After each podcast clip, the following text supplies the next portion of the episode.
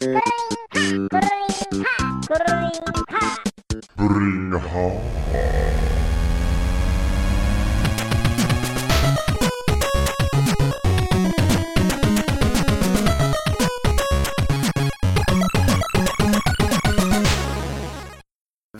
bij een nieuwe aflevering van Buttonbashers, aflevering nummer 94. Waarin we het vandaag, jongens, gaan hebben over games die wij, of series, of hoe je het ook wil bekijken eigenlijk, gereboot zouden willen hebben. Steve, hoe lang is je lijst? Lang genoeg. Lang genoeg, oké. Oh, dat is wel spannend. Ja. Nou, daar ben ik wel benieuwd. Ja, we moeten zo meteen eerst Game Talk doen, maar ik ben toch stiekem wel, wel benieuwd. Niels, heb jij een hele lange lijst? Nou, mijn lijstje is niet heel lang. Maar wel goed, hè? Kwaliteit, Oh, kwaliteit. Oh, kwaliteit boven Daar gaat kwantiteit. het om. Daar gaat het om. Ja, nou ja, die reboots zijn ook niet altijd van die kwaliteit. Maar goed, daar komen we zo meteen ook vast nog wel, eh, vast nog wel, eh, wel over te spreken. hey, eh, Steve, ja. wat daar hebben we het helemaal nog niet over gehad. Maar ehm, eh, jij, jij hebt een sideprojectje. Ja, ik, ehm, ik ben een tweede podcast naast Button Bashers gestart. Ja, Board Game Bashers. En dat heeft in ieder geval voor een paar dingen gezorgd. Oké. Ja, nummer één, dat had ik al. Maar ik heb wel nog steeds nog meer gekregen. Dat is eh, heel veel respect voor Niels. voor, eh, voor het editen. Ja, voor de hoeveelheid werk die er toch wel komt kijken bij, ehm, bij editen. Ehm, Ja. Het heeft in ieder geval heel veel inzichten gegeven van wat daar nou echt de handelingen in zijn. Niels heeft me daar ook echt heel pro eh, doorheen geloodst. Ja. Ehm, de complexiteit van de handelingen, die viel me bijzonder mee. Mhm. Maar de hoeveelheid werk die daarbij komt kijken bij het soort mega-uitzendingen dat wij, zeg maar, ehm, ja, opnemen. Ja, Ja, dat is toch wel een eh, whole different ballgame. ja, ja, op, inderdaad. Op, op drie sporen. Ja, dat ook nog eens, Ja. inderdaad. Ja, Ja, ja. ja. Dus eh, ja, daar ben ik wel heel blij om. Ik ben dus boardgame bashers gestart, waarbij ik zeg maar bordspellen speel met, eh, met vrienden. En eh, dat nemen we gewoon op direct nadat we een bordspel hebben gespeeld. ja, zodat het nog lekker vers is. Ja, ja ik heb een stuk eh kakelvissen afleveringen opgenomen op mijn, eh, op mijn telefoon. Maar als het, als het eieren waren, dan had ik ze inmiddels kunnen weggooien. Want, ze- staan klaar om, ge- om geëdit te worden. Ja, Maar ik heb me toch een beetje verkeken, zeg maar, ehm, wat zeg maar mijn, mijn tijd is. Mhm. Om, die, om die dingen te editen. ja. En eh, ja, ik- wat ik wil doen, ik heb in mijn hoofd dat ik zeg maar eh, ook veel promotie wil, eh, wil doen. Ik heb een lijstje gemaakt van allemaal boardgame forums, board, boardgame groepen. Alleen, ja, ik, ik... Kijk, op dit moment krijgt die podcast toch heel weinig, weinig listens, heel weinig luistersessies. Dat is logisch, want het is gewoon Ja. een heel ander publiek dan onze podcast. En dat moet je gewoon allemaal aanwakkeren. Daar heb ik ook gewoon een heel plan voor. Maar ik zit precies in een hele drukke periode. En ik heb gewoon eigenlijk daar helemaal niet de tijd voor gehad. CQ kunnen nemen, CQ willen nemen. Ja, Dus dat heb ik, een Beetje, heb ik een beetje onderschat. Dus het is een leuk idee. Ik vind het nog steeds echt een heel leuk idee. Ik heb zeg maar, ik heb zeg maar van alles, van alles staan. Ja, En het was echt de intentie om er een, ehm, om er een ehm, ja, wekelijkse podcast van te maken. Ja, Qua, qua materiaal opnemen is, het, is dat gewoon veel makkelijker dan wat wij doen met buttonbashers. Want het zijn gewoon ge- geen avondvullende programma's. Het is gewoon eventjes nadat je iets gespeeld hebt en ik speel zat. Eventjes met de mensen die je toch zeg maar aan tafel hebt iets opnemen. ja, even tien minuten, kwartiertje. En je hebt het, het zit toch bij iedereen in het hoofd, dus dat Ja. kan dan. En over het algemeen eh, zijn mijn vrienden ook wel mensen die makkelijk praten, dus dat scheelt ook. Maar ja, ja ik, ehm, ik heb er heel veel ambitie mee. Maar ik moet nog even kijken wat ik allemaal met die ambities kan, realistisch gezien. Maar Ja. de ambities die zijn er in ieder geval. Nou ja, wat in het vat zit, moeten we maar denken, hè, dat verzuurt niet. En wie weet komt er straks een keer een moment dat het rustiger is, Steve. En dat je Ja. er wel de tijd en rust voor kan Ja, daar vinden. heb ik niet zoveel vertrouwen in. Maar, Oh. eh, joh, dus, ja, dat, maar joh, eh, het is meer zeg maar tijd voor maken. Misschien kan ik eh, wel binnenkort wat meer tijd voor maken. Ja. Dus eh, ik wil er in ieder geval zeker niet de brui aan geven. Nee, maar ik nou, ben niet de enige die zeg maar een Buttonbashers gerelateerd project is gestart naast Buttonbashers. Nee. Niels, vertel eens. Ja, wij zijn ook eh, een zijproject begonnen. Ja, Eigenlijk een project waar we het al vrij lang over hebben gehad. Ik denk zelfs twee jaar geleden al een keer. Want we hebben wel eens met de Button Bashers podcast afleveringen opgenomen over één specifieke game. Ja. Ehm, alleen het nadeel van het kiezen van één specifieke game is... je moet wel met z'n drieën er veel tijd voor maken... om die game goed genoeg te spelen. Je moet hem ook maar net hebben. Eh, dus dat was in het kader van de Button Bashers podcast soms vrij lastig om te faciliteren. Maar nu hebben we ervoor gekozen om in ieder geval met z'n tweeën, nu Mike ook wat meer tijd heeft naast zijn eh, Mike's Minutes wat hij eerst had en Duimschroef wat hij had, om toch dat idee nog eens eh, nieuw leven in te blazen. Dus we hebben Club Buttonbashers. En Club Buttonbashers is een podcast waarin we een game aankondigen op het forum, zodat anderen die ook kunnen gaan spelen. En gedurende een maand, we geven ons ongeveer een maand speeltijd, dan posten mensen ook reacties en wat ze tegenkomen in het spel, in dat topic. En eh, Mike en ik bewaren onze reacties grotendeels dan voor de uitzending. En dan proberen we onze ervaring van het doorspelen van een spel eh, zo vers mogelijk te reproduceren. Ja. En dat in ongeveer een uur. Dat is het streven. ja, ja, ja, inderdaad. En eh, nou ja, de eerste aflevering die staat er, dat was Super Metroid. Dat was een vrij makkelijke keuze. Ik, omdat ik het nog steeds een keer wilde spelen en eigenlijk wel moest spelen. Dat was ik toch wel een soort van verplicht aan iets of iemand. Dus Volgens mij eh, onder andere aan mij, toch? Aan, meer, aan meer mensen, denk ik. ik, denk het, ik denk het wel, inderdaad. Dat, eh, ik denk dat het staat hier nog op mijn whiteboard met dat het gespeeld moet worden. Ik denk dat ik het er nooit meer af krijg. Zolang als het er al staat. En eh, ja, goed. En Niels die had zoiets van, ja, die wil ik nog wel een keertje, wil ik nog wel een keertje spelen. En eh, nou ja, de mensen van het forum ook, bleek. Want er waren, nou, ik denk een stuk of twaalf mensen of zo die eh, het ook gespeeld hebben. Even zo grofweg ingeschat. Nou, en alle reacties die hier en daar een beetje gefilterd. Maar alle reacties nemen we dan mee, zodat het een, ja, een beetje een clubgevoel geeft. Waarbij we, nou ja, waarbij we dan met z'n allen een game spelen. En eh, nou ja, we hebben ook de tweede game gekozen. Dat is eh, Grim Fandango. Nou, daar is iets minder enthousiasme voor op het forum. En, eh, maar ja, dat kan. Niet elke game kan natuurlijk iedereen's, iedereen's smaak zijn. Maar we zullen het voor onszelf denk ik wel divers houden. En op die manier ook voor de mensen op het forum of de luisteraars. En nou ja, eens kijken wat dat gaat brengen. Ik moet zeggen, het leuke van dat Club Buttonbashers idee vind ik dat als die aflevering er dan eenmaal is, dan is dat een soort memento van al die belevingen van iedereen die die game in die periode heeft gespeeld. Ja, ja dat, is wel, eh, dat, is, dat is wel leuk inderdaad. Dus eh, we, we hebben ook één klacht ge- gehad inmiddels van iemand die zei... Potverdorie, ik had wel mee willen praten. Want dit is mijn all-time favorite game. Ja. Nou ja, goed. Dat, ja, dat eh, is heel goed. Dat is heel ja. goed. Dat maakt, eh, maakt het de tongen los. Ja. Ik, eh, dan hebben jullie twee klachten eh, nu. Ik, Ja. ik, had, ik had ook... Nou, is geen klacht. Ik had heel graag mee willen praten over Super Metroid. ja, Eh, Super Metroid is, is een game die ik eh, ook, ook nog op mijn lijstje heb. En, en, dat- en er was reden voor mij waarom ik hem juist in die periode wou spelen. Maar ik had het onmogelijk gekund. Ik ben heel blij dat jullie dit samen op deze manier ga, eh, zijn gaan doen.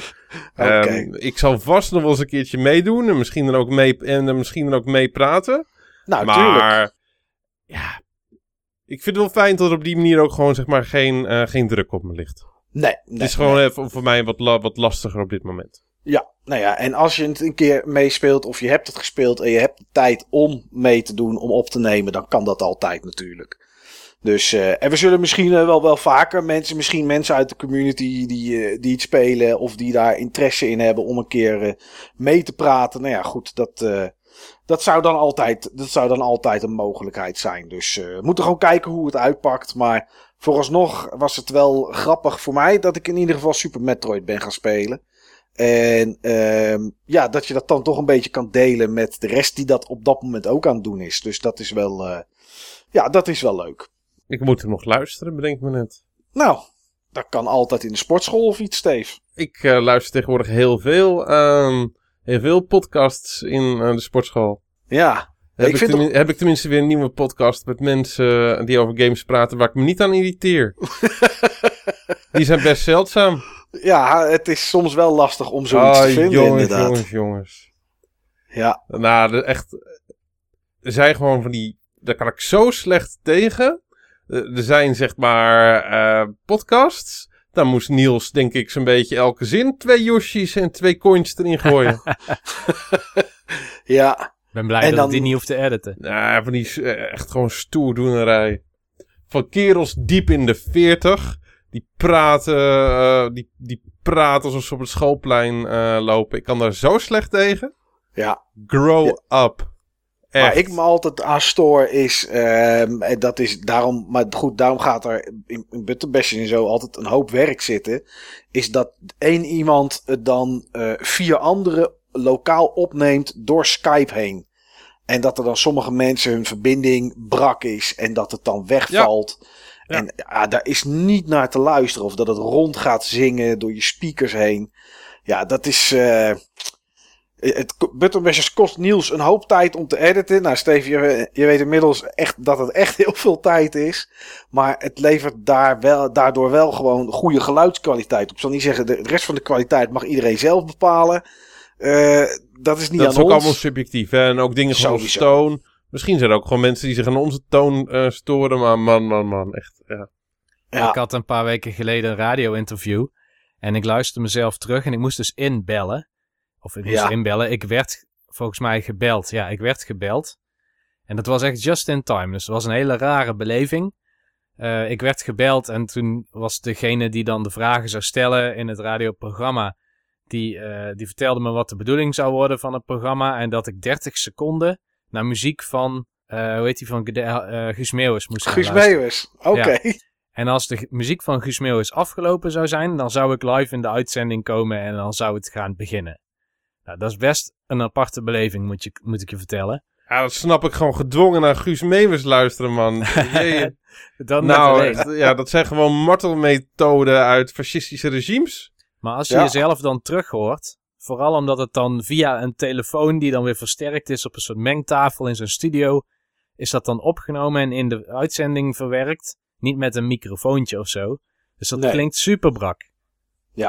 Ja, dat is. eh, ik vind, het is sowieso. eh, live zijn vind ik sowieso een, een, een raar iets. Eigenlijk wel.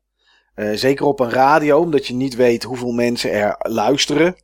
Ik heb het ook wel eens gehad. Ik heb ooit eens een keertje voor de taalstaat. Dat is zo'n eh, programma op radio 1, denk ik dat het nog steeds is. Ik weet niet of het er nog is. Had ik een keer roman 148 geloof ik geschreven. Dat mochten dan 148 woorden zijn of zo geloof ik. Ik weet niet meer precies hoe het in elkaar zat. En ehm, ja, en dan zit je ook in de wacht. En dan in één keer eh, was het... eh, ja, aan de telefoon. eh, Michael, hallo Michael. Ja, hallo, hallo. Ga je gang. En ik, ja, oké. nu, moet ik, nu moet ik mijn ding gaan doen. Maar ja, er zijn allerlei mensen die, ja, die dan luisteren ergens op, in, in Nederland. Of misschien internationaal via eh, npo1.nl. En dat is toch best raar. Luisterde jij mee met het programma? Nee, nee, nee. Ik had gewoon de telefoon eh, aan mijn oor en ik heb mijn, eh, mijn, mijn verhaal, roman dingetje heb ik verteld. En eh, nou, daarna was het ook heel snel, nou bedankt Michael Bunschoter. En, en dan wou ik nog wat terugzeggen, maar het is altijd aan het einde van het programma, dus dan hebben ze altijd haast. En toen was het ook, toen dacht ik, moet ik nou nog blijven hangen? En dan in één keer klik, tuut, tuut, tuut. Denk oké, ik hoef er niet te blijven hangen. Nou ja, en zes weken later verscheen er een boekje in de brievenbus, want dan kreeg je een boekje. Dus eh, ja, heel apart is dat. Ja, ik ben ook een paar keer live op de radio ge- eh, geweest, joh. Oh. Voor die stomme moppensite. Oh, oh Toen ja. hadden we, eh, soms hadden we persberichten. Van, eh, van hoeveel, hoeveel moppen er zeg maar, zeg maar, op, die, op die site stonden.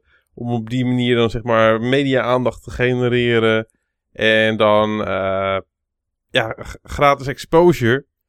En eh, dan werd ik soms gevraagd zeg maar door radioprogramma's. ja. Ehm, of ik dan iets over die site kon vertellen.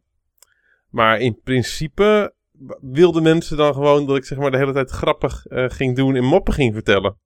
Oh, ja. Dat was een beetje zeg maar de verwachting, zeg maar, die mensen dan hadden. Dat Oké. ik al echt als een soort met van abnormaal dan zeg maar in die uitzending zou komen. En dat Maar- voor iemand die een hekel heeft aan moppen. Ik heb een rothekel aan moppen. Dus, Ja. dus dat was Oh. nooit een succes. Nee. Dat was oh, nooit een dat succes. Is wel, eh, dat is Ja. wel wat, zeg. Ja, Ja. Ik, heb, eh, ik heb zeg maar ook een keer... Dit is echt... Nou jongens, dit is echt, echt een van mijn slechtste herinneringen ooit. Eh, ik, eh, ik, ik schaam me echt bijna nergens voor. Maar eh, altijd zeg maar, als het, als, het, als we het over moppen hebben... Dan, dan, gaan we, dan ga ik het hebben over de dingen waar ik me voor schaam. Ja, maar ik ben mooi, ooit, ooit een keer ben ik zeg maar ook op een radioprogramma geweest. Radio Venendaal. Dus gelukkig zal het niet te veel luisteraars gehad hebben. Nee. Dat, eh, nou, daar heb ik zeg maar. ehm, daar heb ik echt zo, eh, zo'n schunnige grap gemaakt. Ja, ja, dat was echt. Dat was, toen was ik een jaar of 18. Ja, dat was toch in mijn socially awkward periode. Oké. Daar ben ik gelukkig overheen gegroeid. Ja. Net, net als astma en, ehm, en al- allergie voor honden en katten. Maar dat was echt heel erg. Dat zal ik jullie na de uitzending vertellen. Op het moment dat de microfoons uitstaan. Ah, dat was echt heel erg. Nou ja, jij hebt het over moppen. En ik weet, niet, ik weet niet of ik dat toen verteld heb. Ik denk het niet. En we hebben het nu ook over radio. Maar ik ben een, een, een best wel een lange periode in Den Haag, toen woonde ik daar nog. Ook op de radio geweest. Wekelijks. Met op de woensdag. Met moppen op de radio. En dan ging ik ook naar de studio toe. en eh dat was. eh, Hoe oud was je toen, Mike? Ah, ja, dit is natuurlijk een hekel puntje. Ik denk dat ik een jaar of 20, 21 was. Moppen Mike. Ja, ik heb, ik heb nog. ik, ik, ik weet niet waarom ik het deed. Maar in Den Haag was daar. eh, luisteraars, excuses, dit gaat totaal niet over games. Maar ja, ik, ik heb daar wel een mooie periode aan beleefd. En het is retro. Moppen zijn wel retro, denk ik. Ehm, ik heb daar. ehm, er was een radioprogramma van een, eh, bekende Hagenees. Hij is in Den Haag nog steeds bekend. Jeffrey Huff heet hij. Hij is ook wel eens op nationale tv geweest. Bij de ASO-quiz of zo zat hij in de jury. En die had een programma ehm, elke, elke werkdag tussen zeven en half acht volgens mij. En eh, nou, dan kon je, als je een mop had, kon je opbellen. En dan kon je die mop kon je dan vertellen op de radio. Nou, en dat, ik belde een keer op met een mop. En het was precies op een avond dat hij er niet was. En ik weet niet wat mijn doel was, maar ik vind radio vind ik wel een mooi medium, zeg maar. Ik vind dat wel, weet je, dat is toch wel, eh, ja, ik vind dat toch wel gaaf. En toen belde ik die avond daarna naar de studio. Toen kreeg ik hem gewoon aan de lijn. Want ik bedoel, ja, het was gewoon een Haagse radiozendertje. Voor die rest niet bijzonder. Toen zei ik, joh, heb je toevallig die mop gisteravond nog gehoord? Want er waren soms moppen bij, die waren echt te slecht. Toen zei hij, ja, die had hij gehoord. Ik zeg, vond je die tof? Ja, vond ik wel een toffe mop. Ik weet op de dag van vandaag trouwens nog steeds niet of hij hem echt gehoord had, die mop of niet. Maar goed, dat maakt niet uit. Toen zei ik, vind je het leuk als ik er elke week bij jou in de studio eh, een paar van dit soort moppen kom vertellen? Ja, dat was eigenlijk wel goed. Nou, zo, zo geschiedde het. Dat je, ik hebt, dus, je hebt eh, jezelf gewoon binnengeluld. ja, dat ik dus elke woensdag Op de Haagse zat. radio. Op de Haagse radio. Ja, op Stad, Stad, Stad Den Haag. Stad Den Haag FM was dat. En het, het enige was dat. ehm en dat had ik, had ik eigenlijk nooit, had ik nooit gerealiseerd. Dat als je dan dat doet en mensen horen dan een mop. En ondanks dat het maar een lokale, lokale radiozender is. Ja, dat mensen ook gaan reageren. En ehm soms had ik gewoon. Oh, dat, nee hoor, nee hoor. Mensen reageren nooit op moppen. echt, echt niet. Heb ik totaal geen ervaring mee. Oké, nou Nee, dan kan ik, je, kan ik je wel vertellen dat ik dat wel had. Nee, nee, nee. Echt gewoon die mailbox met, doodse, die mailbox met doodsbedreigingen. Nee, daar heb ik echt geen herinnering aan. Nee, nee eh, jij, zal nog, jij zal nog balend in het zweet wakker worden als er een mailtje binnenkomt, denk ik. Als ik, als ik zeg maar een banaan te lang, te lang eh, laat liggen in de keuken, ja, dan krijg ik direct flashbacks. Ja, dat geloof ik direct.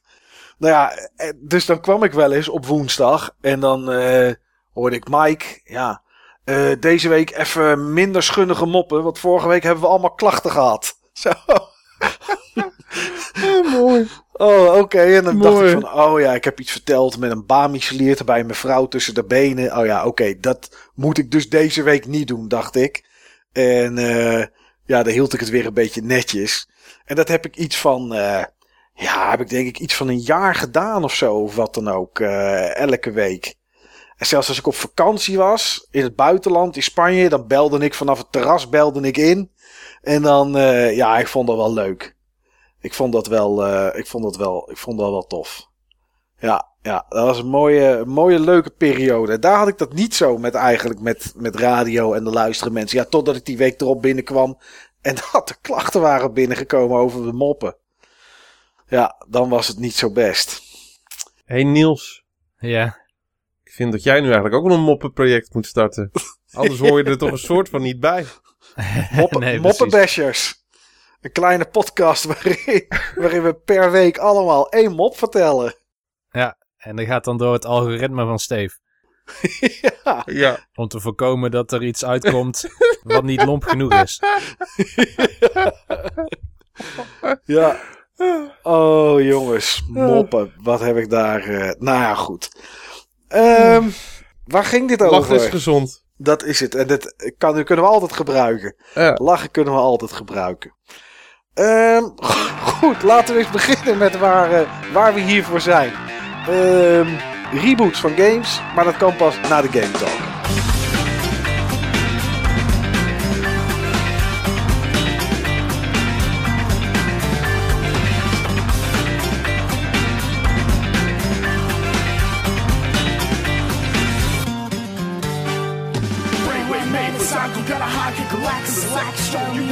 Got the best at crystal, blister, over oh, now, second can, use a king, need some more candy cane. Come get cold, be big, you got a high kick, master twist, the moist with presidents. Take it up, take it a step aside, see the word of fact, to the fact, to the bow, to the moon. When we are the cold, it's untouchable, lemon, lemon, souls, I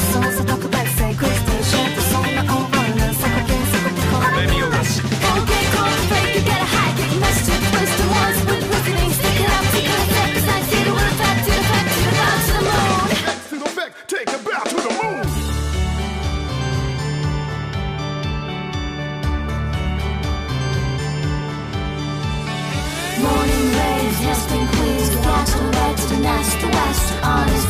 Get one to the tree, power of society, self and unity. Cognac and spin and the sound flows. Low to the helm, trapped by the power of trees. Your powers, yeah, I know. Morning rays, hairspray queens, get on the way to the nest, the west, honest. Goed, eh, ja, Niels. eh, ik weet natuurlijk dat jij Super Metroid hebt gespeeld. Dat is correct.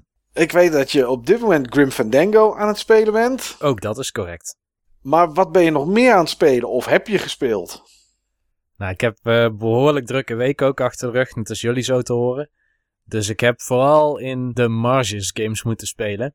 En een tijdje terug dacht ik, waarom ga ik niet eens terug naar Octopath Traveler? Dus die game heb ik Oh. weer opgepakt. Ja. En die heb ik 10 minuten voordat we begonnen met opnemen, uitgespeeld voor alle karakters. Oké, dat is nice. En- Is en- dat, is dat dan dat einde wat je dan nog unlockt op het moment dat je het met alle karakters hebt uitgespeeld? Of heb je het gewoon met de achtste karakter uitgespeeld? Ik heb hem met het achtste karakter uitgespeeld. Ja. Eh Hanit was mijn laatste karakter. Eh, dat vond ik een hele Ja, moeilijke De encounter. Huntress. De Huntress. Ja, precies. Dat vond ik een hele lastige encounter. Ik heb eh, Cyrus vorig jaar uitgespeeld. Dat was het karakter wat ik heb gekozen. Dat is die, eh, hoe noemen ze die? Cleric of zo? In, Ja. eh, De in de game? Apothecary. Oh ja, nee, dat, dat, is was Elfin. het. Dat is Elfin. Oh ja. Ja, Cyrus, dat is, eh, dat is een scholar. Scholar, dat is het inderdaad. Dat was hem inderdaad. Eigenlijk gewoon de damage, de, de magic eh, user. En omdat hij eigenlijk in elke party heeft gezeten gedurende het hele spel, was hij ook je lekker super. sterk. Oh man. Eigenlijk kwam het er steeds op neer dat ik met Tressa, en Tressa is een merchant. En een merchant in Octopath Traveler, die kan eh, extra beurten rondpassen naar andere spelers. In plaats van haar eigen beurt. En dat deed ik steeds op Cyrus. Dus ik zorgde dat Cyrus eigenlijk om de twee beurten gewoon helemaal eh gebufft was en vol power was. En dan gaf ik elke keer de meest lompe magic spell, elemental damage, area of effect iets over alle vijanden heen. Dus bijna alle normale encounters die waren binnen twee beurten klaar. Want ik knalde gewoon elke keer de sterkste spells eroverheen. Alleen de bazen, dat was soms nog wel iets lastiger. Oké. Maar het voordeel... Ja, dan moet je natuurlijk veel meer zeg maar, ook op die beurten spelen. Van wanneer je blokt en, eh, en hoe je bepaalde, hoe je bepaalde eh, moves van die bazen dan zeg maar, kan blokkeren door genoeg individuele attacks te doen, zodat Ja. ze hun beurt verliezen, allemaal dat soort dingen. Ja, klopt. Dat is het ding. Je kan nog zo'n overpowered eh partymember hebben, of zelfs team. Dat maakt helemaal niet uit bij de bazen. Want bazen zijn puzzels voor de samenstelling van jouw team. En combinatie van skills die je kiest. Het mooie van Octopath Traveler is dat jij constant van job kan wisselen. Je zit niet vast aan een job. Ja, jawel aan je eerste job, maar je kan er een tweede aan koppelen. En dan kun je ook abilities van een andere job gebruiken. Dus bijvoorbeeld Cyrus, die was normaal eh, ook een, een healer. Maar die heb ik op het eind veranderd naar een thief. Omdat Cyrus zoveel, ja, hoe moet ik het zeggen, SP, eh, dat zijn een soort magic punten, zeg maar, Ja. verspeelde door al die eh, spells. De thief die heeft dan ook weer een move waarmee die juist magic kan stelen van een vijand. Of in ieder geval damage kan omzetten in magic. Mooie combi. Dat is een mooie combi. Maar de allermooiste combi die ik heb gevonden is de combi die van Olberic. Hij is een warrior.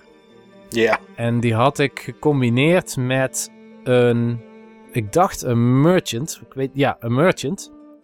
En wat je dan kan doen is je hebt een move van de eh warrior die ervoor zorgt dat jij altijd wordt getarget.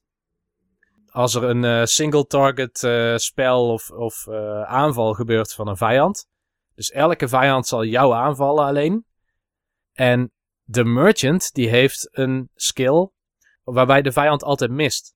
Dus wat ik heel vaak deed bij eindbaasgevechten op dat moment, was eh, voor de vier komende beurten zetten dat ik altijd de target was met Allbrick.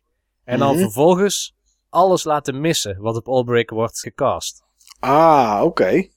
Dat was een hele mooie combinatie. Ja, dat en klinkt die had wel ik ook wel echt nodig. Eh, maar eh, bijvoorbeeld Hanet, ehm Hanets laatste gevecht, die was echt heel moeilijk. Want die eindbaas die kan brullen en als die brult, dan is iedereen unconscious voor een aantal beurten.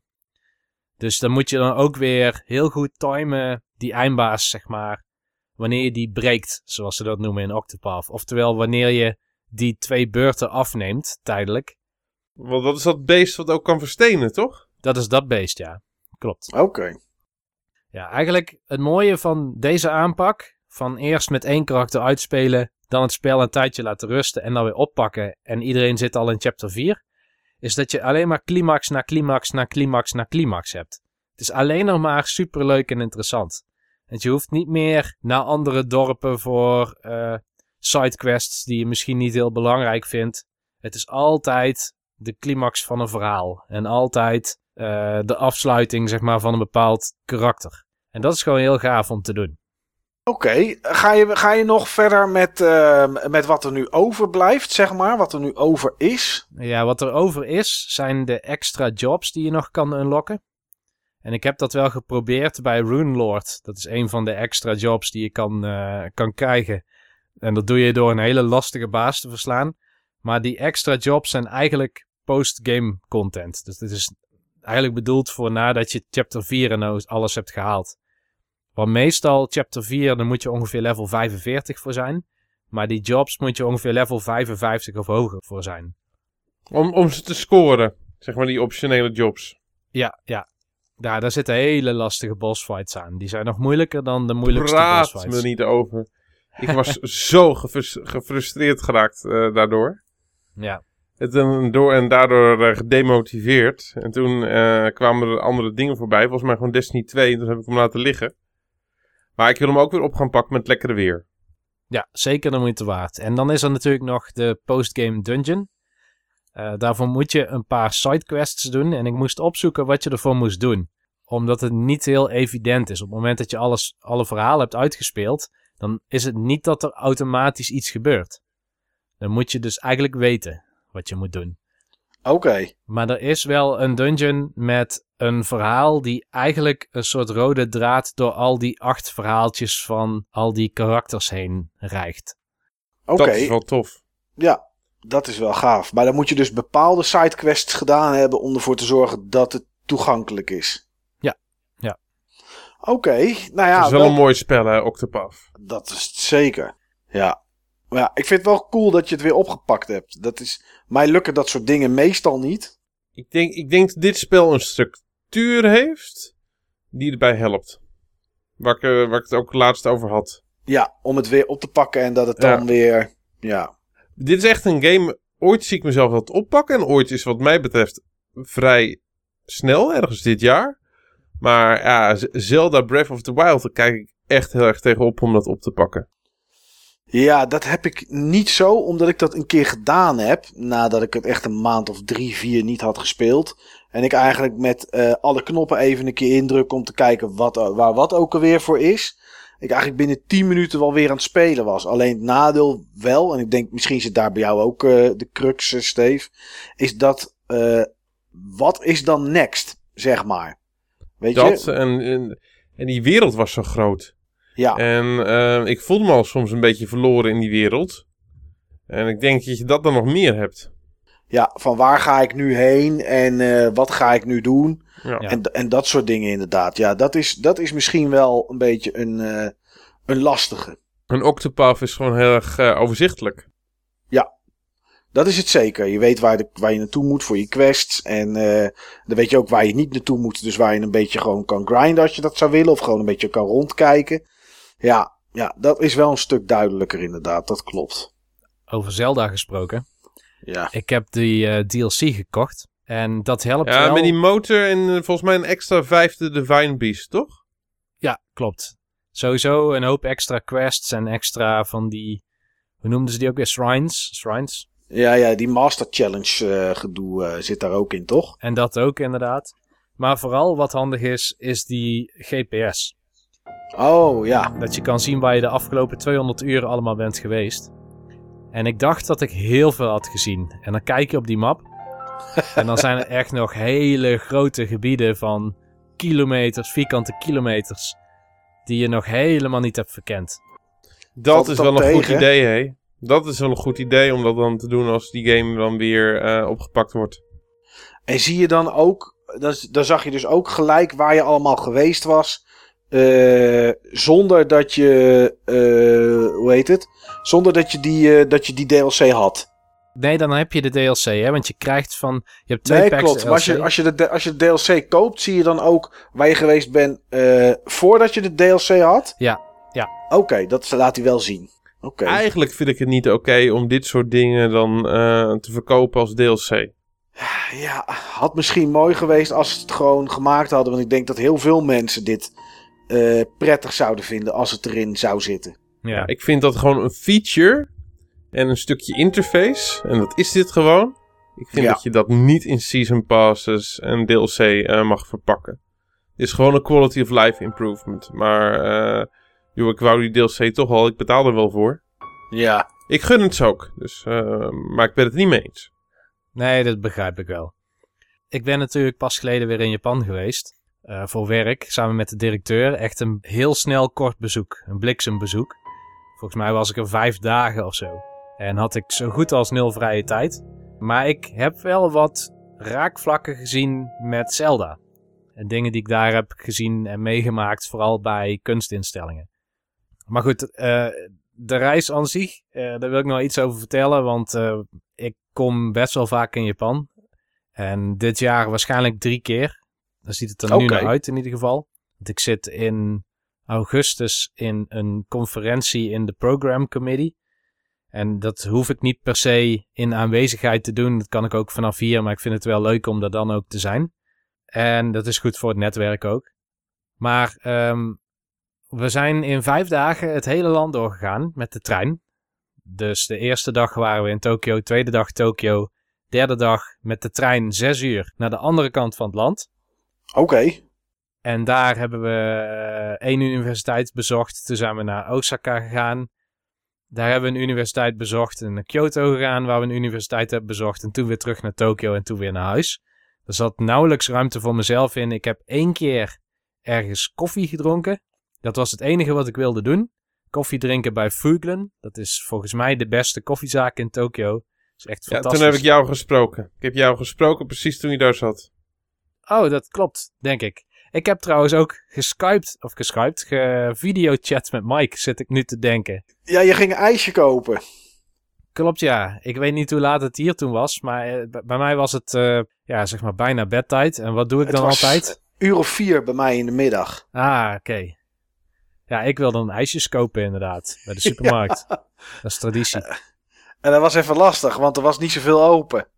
Nee, het was volgens mij al tien uur s'avonds geweest of zo. Volgens mij was het tegen elf eh, toen jij eh, op straat daar liep. Het was heel stil. Weet ik in ieder geval van de beelden die ik zag. Er waren een hoop lichtjes. Het, wa- het was naar Sesamstraat, hè? ja, ja, dat was het inderdaad. Ja, zo'n metropool gaat ook wel eens dicht, eh, heb ik gemerkt. Ja, en de wifi op straat was beter dan in je hotelkamer, weet ik nog. En dat was ook zo, ja. Maar goed, Ja. Wat wel interessant was aan die reis, is eh, mijn directeur is al een jaar of tien niet meer in Japan geweest. Ik was er vrij regelmatig geweest. Niet op al die gebieden waar we nu langs gingen. Maar wat een heel raar iets was, is dat ehm, Japan leek voor mij één groot red light district geworden te zijn. Oh, En dat komt omdat elke keer als ik tegen de directeur zei: Kom, we lopen zo, ik ken hier de weg, ik ben hier al vier keer geweest. Dan liep ik midden door een red light district heen. En dat werd voor hem natuurlijk een beetje ongemakkelijk. Zo van: Jij bent hier al je hele leven geweest. En maakte niet uit welke stad, waar we ook waren, hij altijd. denkt van, joh, eh, toch maar eens even kijken naar Niels' decoraties, wat er allemaal op staat. Ja. ja, inderdaad. Ik had zelfs een hotel geboekt midden in een red light district. Oh, echt waar? Ja. Was dat niet, eh, was het, onge- was het wel een beetje ongemakkelijk, denk ik. ja, wat denk je? Als je even s'avonds uit wil gaan eten. Hé, hey, ik ken het hier. Hier ben ik heel vaak geweest. Ja, het als de binnenkant van mijn broekzak. ja, ja, dat is dan wel een mooie, inderdaad. Ja, supergoed dat je er precies met je baas daar naartoe gaat. Heb je al je beoordelingsgesprek daar gehad daarna? Nee, die is in september weer. In Ah, of oktober. gelukkig, gelukkig. Ah, dan zal dit Ja, wel dat weer zal wel goed zijn. zijn. Ik laat ik zo zeggen, als ik jouw baas was en je nam me mee naar dit soort dingen, het zou zeker plusjes opleveren. Oh, mooi man. Wat heeft dit met Zelda te maken? Eh, Ja. Ik heb, Red Light District. ja, ik heb in Kyoto eh, een kunstuniversiteit bezocht en één in Tokio. En dat zijn waarschijnlijk ja, top drie van Japan ongeveer. En eh, ik heb daar een paar begrippen langs zien komen. En die begrippen die hebben iets te maken met Japanse esthetiek en kijken naar dingen. Oké. In Japan hebben ze namelijk begrippen voor dingen waar wij geen begrippen voor hebben. Eh, wij hebben ook wel begrippen waar zij geen begrippen voor hebben. We hebben bijvoorbeeld iets van 13 manieren om iets over regen te zeggen. Ja. Eh, en Eskimo's hebben zoveel manieren om sneeuw aan te duiden. Maar in Japan hebben ze dus een aantal begrippen die iets esthetisch aanduiden. En dit moet ik heel even parafraseren, maar misschien begrijp je, jullie hebben allebei Breath of the Wild gespeeld. En, en zie je het dan voor je, wat er bedoeld wordt. Je hebt namelijk in Japan een begrip en dat staat voor een kort betekenisvol moment van schoonheid. Ik herken het als ik wel eens, en dat heb ik maar twee keer per jaar of zo, als ik in de trein zit en het is, heel, het is nog ochtend, de zon komt op en het is licht mistig. De mist hangt te laag over weiden heen. Mhm. Dan heeft dat een heel surreëel gevoel. Ja. En dat is een begrip wat in Zelda als ontwerpuitgangspunt ook gebruikt is. Oké. Dat is wel apart. En ze hebben nog een begrip Ja. en dat is... ehm, Hebben ze daar dan ook één woord voor, of zo, zeg maar? Ja, voor dit begrip wat ik nu ga vertellen wel. Oké. Het vorige begrip is twee woorden. Maar dit is één woord. En het is het effect van zonlicht dat door bladeren heen schijnt en een soort van dansende schaduwpatronen op de vloer of op de grond werpt. Ja, die hele Ja. diffuse schaduws. Ja, precies die. En ik moet zeggen dat beide van deze begrippen, dus zeg maar die, die, die transcendente, surreali- surrealistische natuurlijke schoonheid, dat korte moment, en die, die, die zonnestralen door de bladeren heen, die die schaduwen werpen, dat zijn dingen die kom je constant in Zelda tegen. En dat wordt versterkt door het gebrek aan een soort theme of, of jingle dat de hele tijd klinkt. Je bent echt in de natuur in die game. Je hoort de hele tijd natuurgeluiden en misschien hoor je heel even een paar kleine akkoordjes van een piano. Maar dan hoor je verder waarschijnlijk weer vogels in de verte. Of de wind waaien. En je kijkt altijd richting een mooie vista. Dus daar moest ik aan denken. Oké. Apart. Ja, wel. eh ja, dat is toch wel grappig hoe dan daar. hoe- dat soort dingen die wij dan misschien wel vaker zien, of wat dan ook, inspiratie dan zeg maar zijn voor ontwerpers. Ja, Ik wil trouwens graag iets eh, rectificeren. Oh, Ehm, al die woorden die eh, de Inuit zouden hebben voor sneeuw, is een fabeltje. oké. Ze hebben een stuk of vijf woorden voor sneeuw. nou, Dat, eh, mooie boel, Niels. dat is minder dan eh 11 of 13 of wat het... eh, Nou, gerucht het, ook weer zou zijn. het- het fabeltje is van dat ze echt tientallen, of soms hoor je, hoor je zelfs honderd woorden hebben voor sneeuw. Maar ze hebben vijf woorden voor sneeuw. Plak sneeuw, opgevroren sneeuw, natte sneeuw.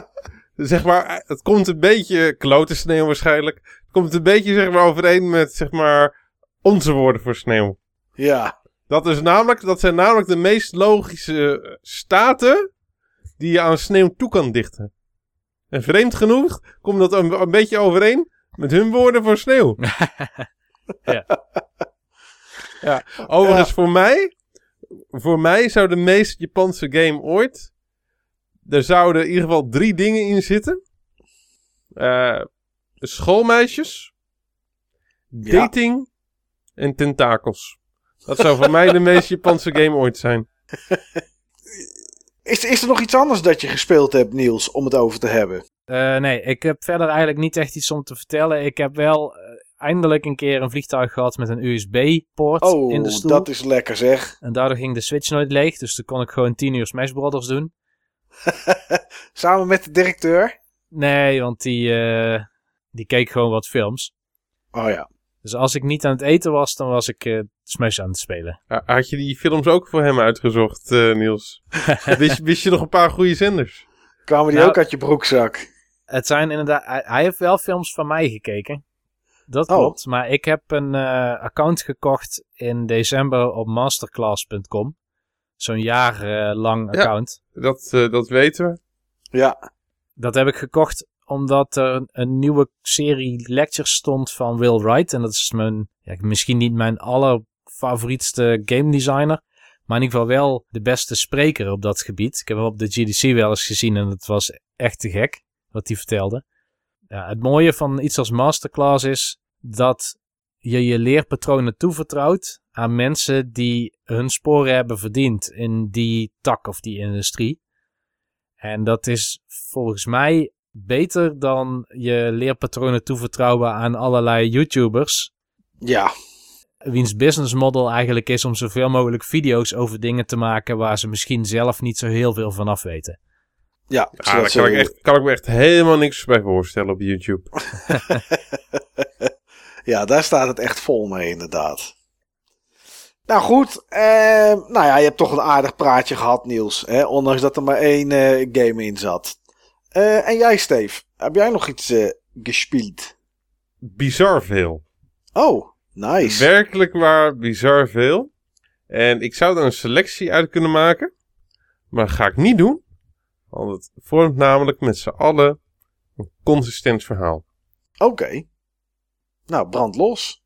Om te beginnen heb ik enorm veel Hollow Knight gespeeld. Ah, Echt Hmm. enorm veel. Ehm, ik vind het echt een fantastisch spel. Ehm, op het moment toen ik het benoemde als mijn game van het jaar, was ik het daar enorm eens mee. ja. Ik ben het inmiddels daar veel eenser mee. Ja, Dus ik heb echt geweldige gaming momenten eh, beleefd met, eh, met Hollow Knight. Ehm, vooral zeg maar medio januari. Toen ik het nog niet zo heel lang aan het spelen was. Ehm, voor mij is dit de eerste echt moeilijke game. Die ik ook weer echt sinds heel lang gespeeld heb. ja. Ehm, ik heb ook zeg maar momenten zeg maar, gehad die, waarbij ik eh, echt het gevoel had, kijk, dus dat is wat die jongens tof vinden. En die jongens is in dit geval jullie. En het soort momenten, dat zijn Dark Souls-achtige momenten. Ja, Dus ja, dat ja, je zeg ja. maar echt keer op keer gewoon stuk gaat ehm, eh, op een baas. Maar dat je gewoon wel het gevoel hebt van ik word steeds beter. En ehm, dat je niet sterker wordt. Je bent niet sterker. Je bent beter. Ja. En, eh, en uiteindelijk ga jij niet stuk, maar ga die baas stuk. En dat is tof. Ja. Dat is een heel lekker gevoel. Dat is echt overwinning. Ja, dat is echt overwinning. Maar dat gevoel is gewoon nog een stuk lekkerder. Op het moment dat je dat precies hebt. 20 seconden voordat je eh, uit de metro moet stappen bij je werk. dat Ja. was echt heel erg lekker. Ehm, ik, eh, eh, op maandag zat ik in Hollow Knight, zeg maar in, in, in een stuk. ehm, waar ik zeg maar al die muntjes was kwijtgeraakt. Waar ik een pist over, o- over was. En nog in die, in die podcast. Ja. En na twee dagen later kon, eh, kon niks met me daar in dat stuk meer wat doen hoor. Oké. En dat had er niet mee te maken dat ik veel sterker was. Volgens mij was ik dat namelijk helemaal niet. Maar ik was wel veel beter. Ja, ja. En eh, ja, dat soort momenten heb ik gewoon echt ehm, heel vaak gehad. Eh, Hollow Knight spelen op mijn Switch in het openbaar vervoer maakt, maakt er gewoon een klein feestje van. Hoe kijken mensen er tegenaan eigenlijk als je met zo'n ding in de metro zit? Kijken ze er nog van op? flauw idee. Oké. Want ik zit in dat ding helemaal gezogen. Ja, ja, ja. Nou ja, kan I toch zijn. don't care. I don't care. En ik zit ook echt in dat ding eh, eh, gezogen. Want eh, op een gegeven moment was ik zeg maar ehm, eh, uit mijn werk zeg maar eh, eh, ook weer aan het spelen. In de trein van, eh, van, eh, van eh, Rotterdam, eh, Alexander en Gouda. En ik, eh, ik dacht van joh, wat, eh, wat duurt het deze keer lang joh? Er werd ergens vertraging opgelopen.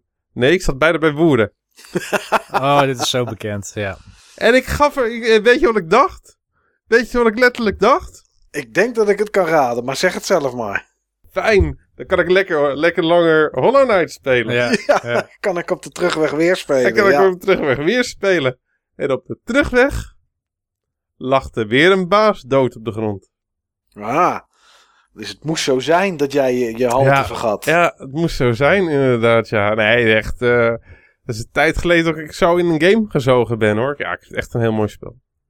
Ik vind het echt een heel mooi spel.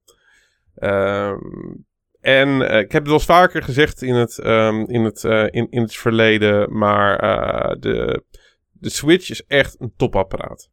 Ja. Echt een topapparaat. Ehm, op dit moment is het ook mijn favoriete spelcomputer van deze generatie spelcomputers.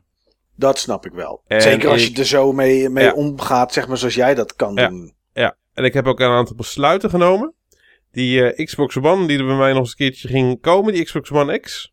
Ja, En die, ehm, en die 4K-TV, die gaan er voorlopig niet komen. Want ik, eh daar gebeurde hetzelfde mee als met al mijn PS4-games eh gebeurt. Die gaan zeg maar op een stapel de kast in. Ja. En eh, die gaan niet gespeeld worden. En mijn, mijn Switch-games, die worden gespeeld. ja Want wat het verschil dan is, het, ja. dan is het duidelijk, toch? Ja, het verschil is. eh, ja, juist omdat ik zeg maar best wel vaak in het openbaar vervoer zit. En ik heb het wel eens gehad over met Niels. Niels zit lang aaneengesloten in het openbaar vervoer. Ik niet. Ik heb een overstapje. En, ik, eh, en bij mij zijn het korte stukjes. Ja, ik heb voor mezelf gewoon gezegd: joh, eh, ik moet het gewoon gaan benutten. Want anders speel ik nooit meer. Anders speel ik echt gewoon nooit meer. Nee. En ehm, ik heb echt, eh, ja, alles bij elkaar denk ik dat ik gewoon bijna 100 uur in Hollow Knight heb gespeeld. In, zeg maar, sinds, sinds eind december. Nou, dat is netjes. Voor iemand die eigenlijk gewoon heel weinig tijd heeft. Maar gewoon die uurtjes in het openbaar vervoer, die tikken aan. En die zorgen er gewoon voor, van dat je zeg maar op een verloren moment, ga je gewoon even door. Want je zit erin. Ja. En eh, je start hem ook gewoon, eh, het is zo laagdrempelig. Switch aan en je gaat verder. Niks opstarten, niks eh, menu door, niks laden. Nee. Het is, eigenlijk is de Switch gewoon een beetje de anti-anthem. Ja. Ja, Ja, nou ja, Dus, dat is ja. zo. Je, je, klikt hem aan en je, Ja. start en je zit in je game. ja. EA heeft in ieder geval wel gezorgd dat de kosmische ba- balans qua laadtijden weer gewoon netjes is hersteld. Dat hebben Dus ze daar, zeker. daar zijn we EA dankbaar voor. Maar eh, ik ben op dit moment gewoon Nintendo heel erg eh, dankbaar. Met het enorme plezier wat ik eh, met dit mooie apparaat en deze mooie game beleefd heb. En dat is niet het enige. Oké. Want ik heb meer dingetjes eh, gespeeld. Ja, je had heel Eh, veel gespeeld. Ik heb heel veel gespeeld. Ik heb ook echt dingen gespeeld die ik normaal gesproken niet zo snel eh, gespeeld zou, zou hebben. Ehm, Hollow Knight heeft mijn ogen een beetje geopend, zeg maar, voor, voor de indie game. En ik, ik heb meer indie games gespeeld. Oké. Waaronder, zeg maar, een, een redelijk vermakelijk spel. Wat ik anders nooit gespeeld zou, eh, zou hebben. De follow-up van een van de slechtste spellen ooit. Wie, wie vult hem voor mij in? Ah, ik- Shaq Fu ik- of zo. Shaq Fu, inderdaad, ja. Oké. Dat vind ik een leuk en vermakelijk spel. Ja, die, eh, Ik had- die nieuwe zeg maar. Ja, ik had, eh, hem- had ik gekocht voor een tientje bij een netgame. Oké. Leuk en vermakelijk spel. Dus, God, dat, had je toch, dat had je toch goed, Niels. Ik, ik moest echt denken. Ik had er echt niet op Shaq Fu gekomen. Ik zag hem laatst, want Gallius had hem ook gepost in de Button Bashers forum. Ah, vandaar. Ja, oh, ja, dat heb ik voorbij zien komen inderdaad. Ja, ja, ja. Eh, de humor is echt fantastisch. Ehm, de gameplay vind ik voor een, eh, vind ik voor een beat-em-up helemaal niet verkeerd. Ehm, ja, de graphics hadden ze, hadden ze anders kunnen doen. Ja, Als ze er, als ze er zeg maar een, een 2D-game van gemaakt hadden, met 2D-sprites, met gewoon wat meer karakter, dan zeg maar die beetje zieloze eh, 3D-modellen, Mhm. dan was het echt een supergoed spel geweest. oké. Want de, eh, ja, de humor die erin zit eh, is echt opvallend leuk. Eh, meestal zeg maar games die humoristisch proberen te zijn, vind ik altijd een beetje moi. Ja, vaak voelt het dan wat geforceerd. Ja, maar dit is echt... eh, dit, dit zijn echt gasten met humor die dit gemaakt hebben. Oké. Eh, ja, daar zou je eigenlijk al voor moeten spelen. Zeg maar, op dit moment is hij op alle platforms een beetje tussen de 8 en 12 euro. Ja, daar kun je me absoluut een kans voor geven. Goh, Steve, je had dat ooit gedacht dat je die Shaq Fu eh, remaster ding Dat had ik ook nooit gedacht. Misschien komt hij wel in mijn eh, eindejaarslijst eh, van dit jaar. Ja, wie weet. Nou, dat denk ik ik, niet. heb geen regels meer dat die per se dit jaar uitgekomen moet zijn. Dus nee. weet. Nee, inderdaad. Ehm, ik acht die kans niet zo groot. Ik acht die kans aanzienlijk reëler bij een andere indie game die ik gespeeld heb. Ehm, waarvan ik vind tot, eh tot Niels hem moet spelen. Oh. Waarvan ik vind dat Niels hem uit moet spelen. En waarvan eh, Niels ehm, ook uitgenodigd is om dat een keer bij mij te komen doen van A tot Z. Mhm. Ehm, dat is Super Chariot. Zeg me helemaal ja, niks. Maar, die zegt mij wel iets. Die is ooit op Wii U verschenen. Eh, daar heb ik hem ooit langs zien komen. En die kan co-op, toch? Ja, die kan co-op. Eigenlijk, is die, eigenlijk moet hij gewoon co-op. Kan hem ook alleen spelen hoor. Maar op het moment dat je alleen speelt, dan valt ongeveer de helft van de puzzels gewoon weg. Eh, Super Chariot is een platformer. Is een physics-based platformer. Waarbij je een prinses en haar verloofde ehm, speelt. En die, ehm, die trekken een kalletje achter zich, eh, zich aan. Met daarin de lijkkist van haar overleden vader, de koning. En die moeten naar de begraafplaats van de koningen. En eh, dat, is een, eh, dat, dat is een flinke reis door heel veel levels. En dat karretje, dat ehm, leeft een beetje zijn eigen physics-based leven. Dat krijgt momentum continu. En ehm, je bent eigenlijk continu enerzijds aan het struggelen met dat karretje. En anderzijds zeg maar dat momentum aan het gebruiken door, eh, om allerlei, eh, om allerlei puzzels op te lossen. Om ja, dingen te verzamelen. En eh, ja, je moet gewoon op, op een hele ingenieuze manier samenwerken. Om het juiste momentum te creëren en te benutten. En dat is echt super tof. Het ziet er echt leuk uit. Het zijn echt hele leuke speelse graphics.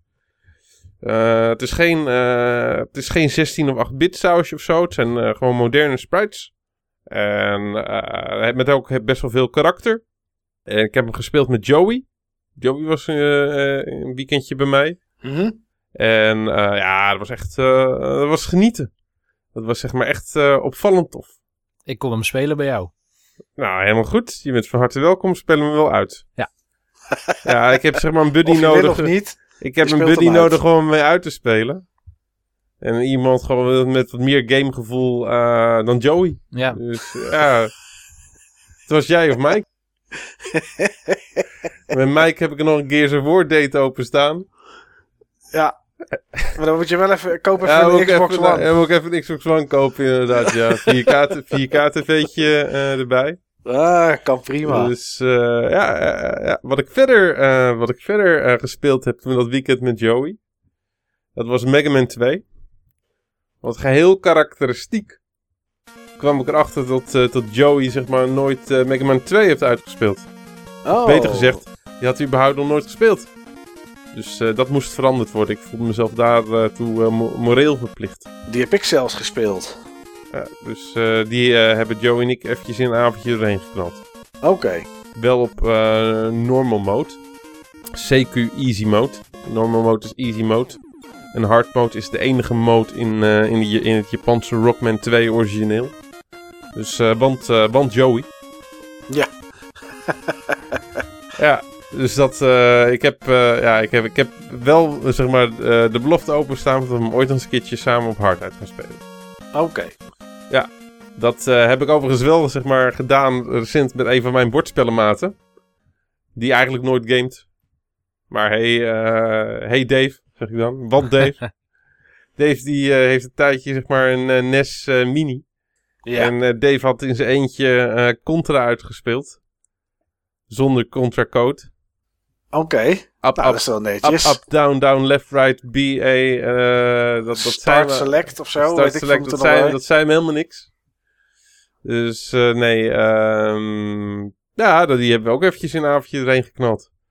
Oké. Dus toen, gingen we, toen kwam Dave met mij eh, bordspellen spelen. Maar eigenlijk hadden we helemaal geen zin in bordspellen. Nee, ja, dat kan ook wel eens gebeuren. Kan ook wel eens voor- gebeuren. Tijd voor wat anders dus. Ja, tijd voor wat anders. En dat werd gewoon Mega Man 2 op hard. En dan was die toch een stukje moeilijker. Maar wel toffer. Oké. Ja, Steve, jij gaat nu eh, Hollow Knight. Ga je langzaam richting de... de ja, je doet een verschuiving, jongen, naar de moeilijke games. Ja, ja, maar ik eh, kon hem vroeger ook op, eh, ik, ik kon hem vroeger ook op hard uitspelen Ah, hoor, Mega, Man, eh, Mega Man 2. Dat eh, Mega Man 2 is inderdaad niet zo heel moeilijk. op normal. Nou, ook op hard. Op hard. Nee, het is ook niet de moeilijkste Mega Man. Nee, zeker niet. Zeker niet. Hij is, eh, laat ik zo zeggen, ik vond de eerste Mega Man toch wel pittiger. Oh, absoluut. Al was het maar door de Yellow Devil. En eh Mega Man 3 is überhaupt eh, veel moeilijker. Ja. Dat is dan toch wel eventjes... eh, ik denk dat het wel eventjes voor wat kindertranen gezorgd heeft eh, in, eh, in de late jaren 80. Ja, ik kan daar niks op zeggen, jongens. Ik heb het nooit gedaan natuurlijk, maar... Nee, eh, nee ik- we- jouw, jouw liefde voor de sprite van Mega Man, dat, eh, die is wel bekend. Ja, ja, ja. Ik heb wel Ja. elf een klein stukje gespeeld, maar... eh, ja, niet eens voldoende om er iets over te vertellen. Maar in, op diezelfde avond ehm, kwam er ook nog eventjes een vriendin van me langs. En ehm, daar hebben toen, zeg maar, Dave eh, en ik eh, samen Mario Kart meegespeeld. Mario Oké. Kart eh 8. Acht deluxe. En heb, ja, en heb ik het ook niet over even. Maar heb ik het over uren en uren. En dat was ook weer echt genieten. Dus ik blijf er gewoon bij. Dat ik, eh, ik had het leuker gevonden om al die dingen te unlocken. Maar op het moment van dat je dan echt met een, met een groepje kan spelen lokaal. Dan is het wel tof dat alles unlocked, eh, unlocked is. Ja, dan kan iedereen gewoon alles kiezen en dat Ja. je alle maps hebt en alle... ja, ja, ja, ja, Dus, eh, en er komen nog steeds voertuigenopties bij en zo. Dus er zijn nog wel dingen te unlocken. Maar ik had liever meer te unlocken gehad. Maar het is echt, eh, ja, het is gewoon een hele mooie Mario Kart. Ja. Ik hoop dat, er, dat die ook een opvolger gaat krijgen op de Switch. Daarbij zou ik twee dingen voor willen stellen. Mhm. Ik hoop dat Nintendo naar mij luistert, net als de Switch. Ja, Nintendo Kart. Gewoon niks, zeg maar. eh, niks Mario Kart, maar gewoon Nintendo Kart. Oh, oh oké, nu snap ik Ja. hem. Ja, Ja, gewoon Mario allemaal, Kart allemaal 8 hint daar al wel een beetje naar. Klopt, je doet het al een beetje. Eh, dat zou ik een hele mooie optie vinden. En wat ik ook een mooie optie eh, zou vinden, eh, is Mario Kart Ultimate. En wat zou daarin zitten voor jou? eh, wat zouden ze daarin moeten stoppen? Heel simpel, alles. Gewoon alles van alle, alle- alle Mario banen. Ja. Gewoon alle, gewoon recente vorm, eh, up-to-date eh, level designs van alle banen. En ook zeg maar de mogelijkheid om met zeg maar twee karakters op dezelfde kaart te spelen. eh, gewoon echt gewoon.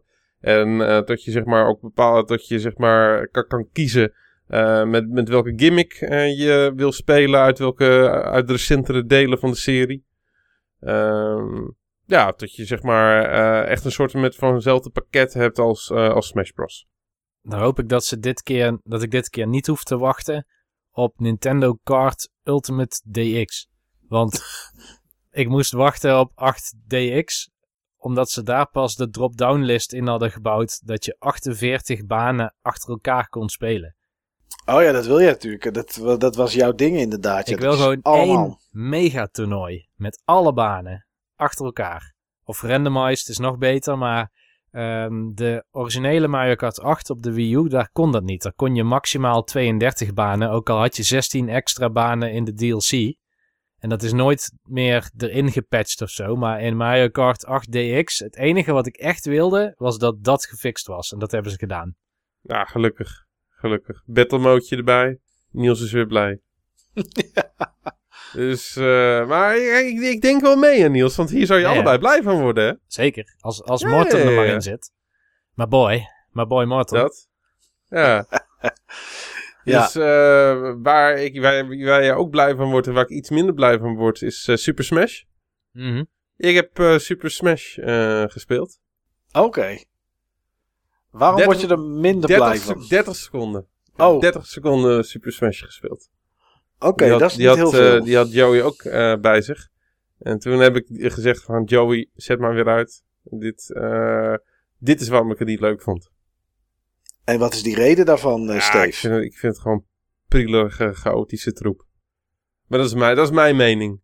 ja, dat is dat mening. Ik vind al- snap ja, ik wel. Ik vind het allemaal veel te klein en te priegelig en chaotisch. En ik heb eerdere delen gewoon wel gespeeld. Allemaal kort hoor, allemaal kort. Maar het heeft gewoon echt nooit geklikt. nee. Het heeft echt nooit geklikt en het gaat ook nooit klikken. En dit, eh it all came back. It Ja. all came back.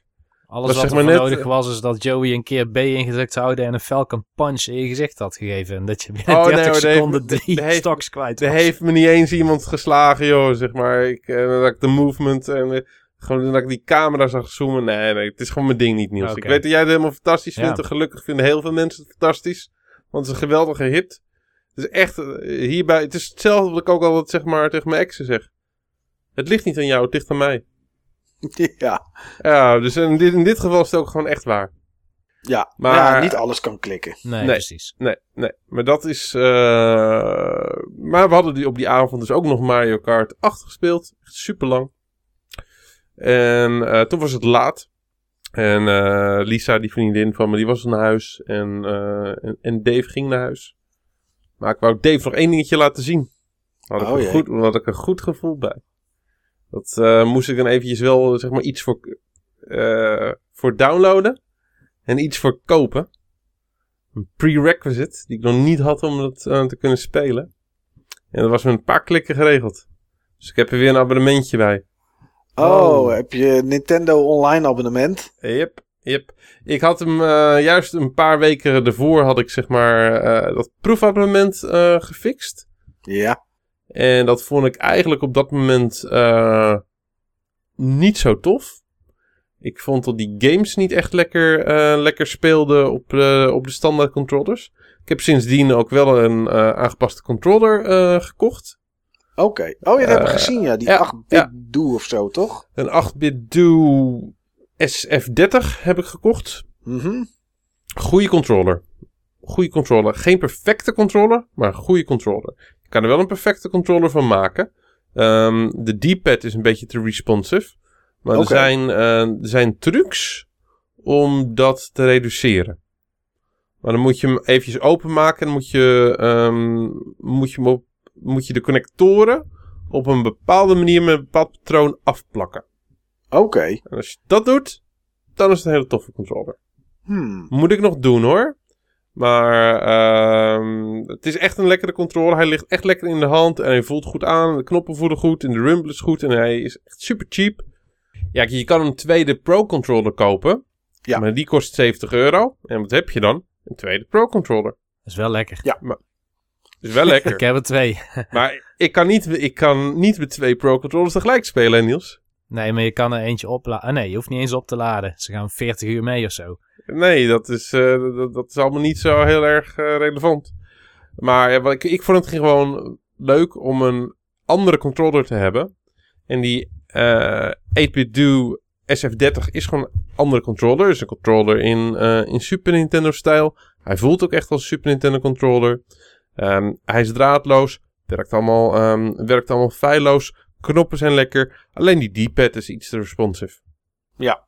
Nou, kun je oplossen. Ja, nou ja, wel netjes. Was het koppelen makkelijk? Gewoon eh, klik, klik, klaar? eh? Nou, ik, eh, ik vind de Nintendo Switch vind ik een geweldig apparaat. Maar dat koppelen is niet makkelijk. Oké, dat Ik was wel vind, even ik, vind het koppelen, ik vind koppelen überhaupt niet makkelijk eh, ehm, op de Nintendo Switch. Dat vind ik echt enorm onhandig. En vind ik alles behalve plug-and-play. Ja, dat klopt. Vooral als Ja. je ook nog eens van controllerstijl wilt wisselen. Dat je bijvoorbeeld twee Joy-Cons dat je wil splitsen. één en één. Het kan allemaal met het menu. Of juist Ja. weer samenvoegen. Dat je eerst met twee mensen los Mario Party of zo hebt gespeeld. En dan wil je er weer één controller van maken. Een linker en een rechterkant. Dan moet je elke keer via zo'n menu doen. Oh, ja, ja, ja. Ja, dat is echt drama. Maar laat ik het zo zeggen, die 8-bit do, het is niet beter en het is niet slechter dan een Nintendo eh, controller eh, koppelen. Het is gewoon hetzelfde, dus dat is goed. En eh, ik kan hem in ieder geval iedereen aanbevelen. Oké, dat is wel nice. Ja, Maar dan denk ik, Steve, want jij zegt ik moest iets kopen. Ja. En dan denk ik dat ik weet wat jij nog even wilde laten zien. ja, ja, ja, ja. Dat was, dat was Tetris 99. Ja, de Mijn Battle eerste, Royale. ja, mijn eerste Battle Royale game.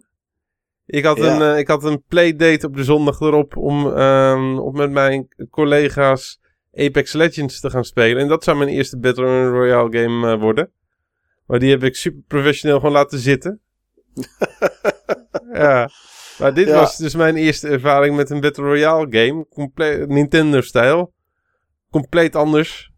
Ja. Tetris. Ik had Tetris die, eh, 99. Ik had die niet aanzien komen hoor. Die had niemand Nee. aan zien komen.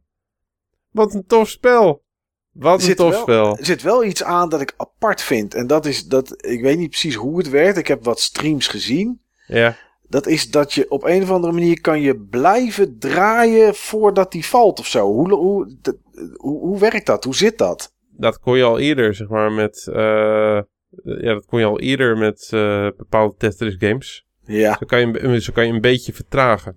Maar er zit, eh, je kan niet blijven draaien hoor. Er zit een, een timelock op. oké. Maar, dat kan- blij- je- zo kan je zeg maar... ehm, als, als je echt, als je zeker weet van dat je doodgaat... Ja, kan je het ietsjes, ietsjes rekken. ja, snap ik. En je kan op he- eh, blokjes, als ze ergens naar beneden vallen, kan je ze ook nog draaien. Dat je ze precies in gaatjes kan, kan proppen. Ja, Dat- eh, Kon altijd al.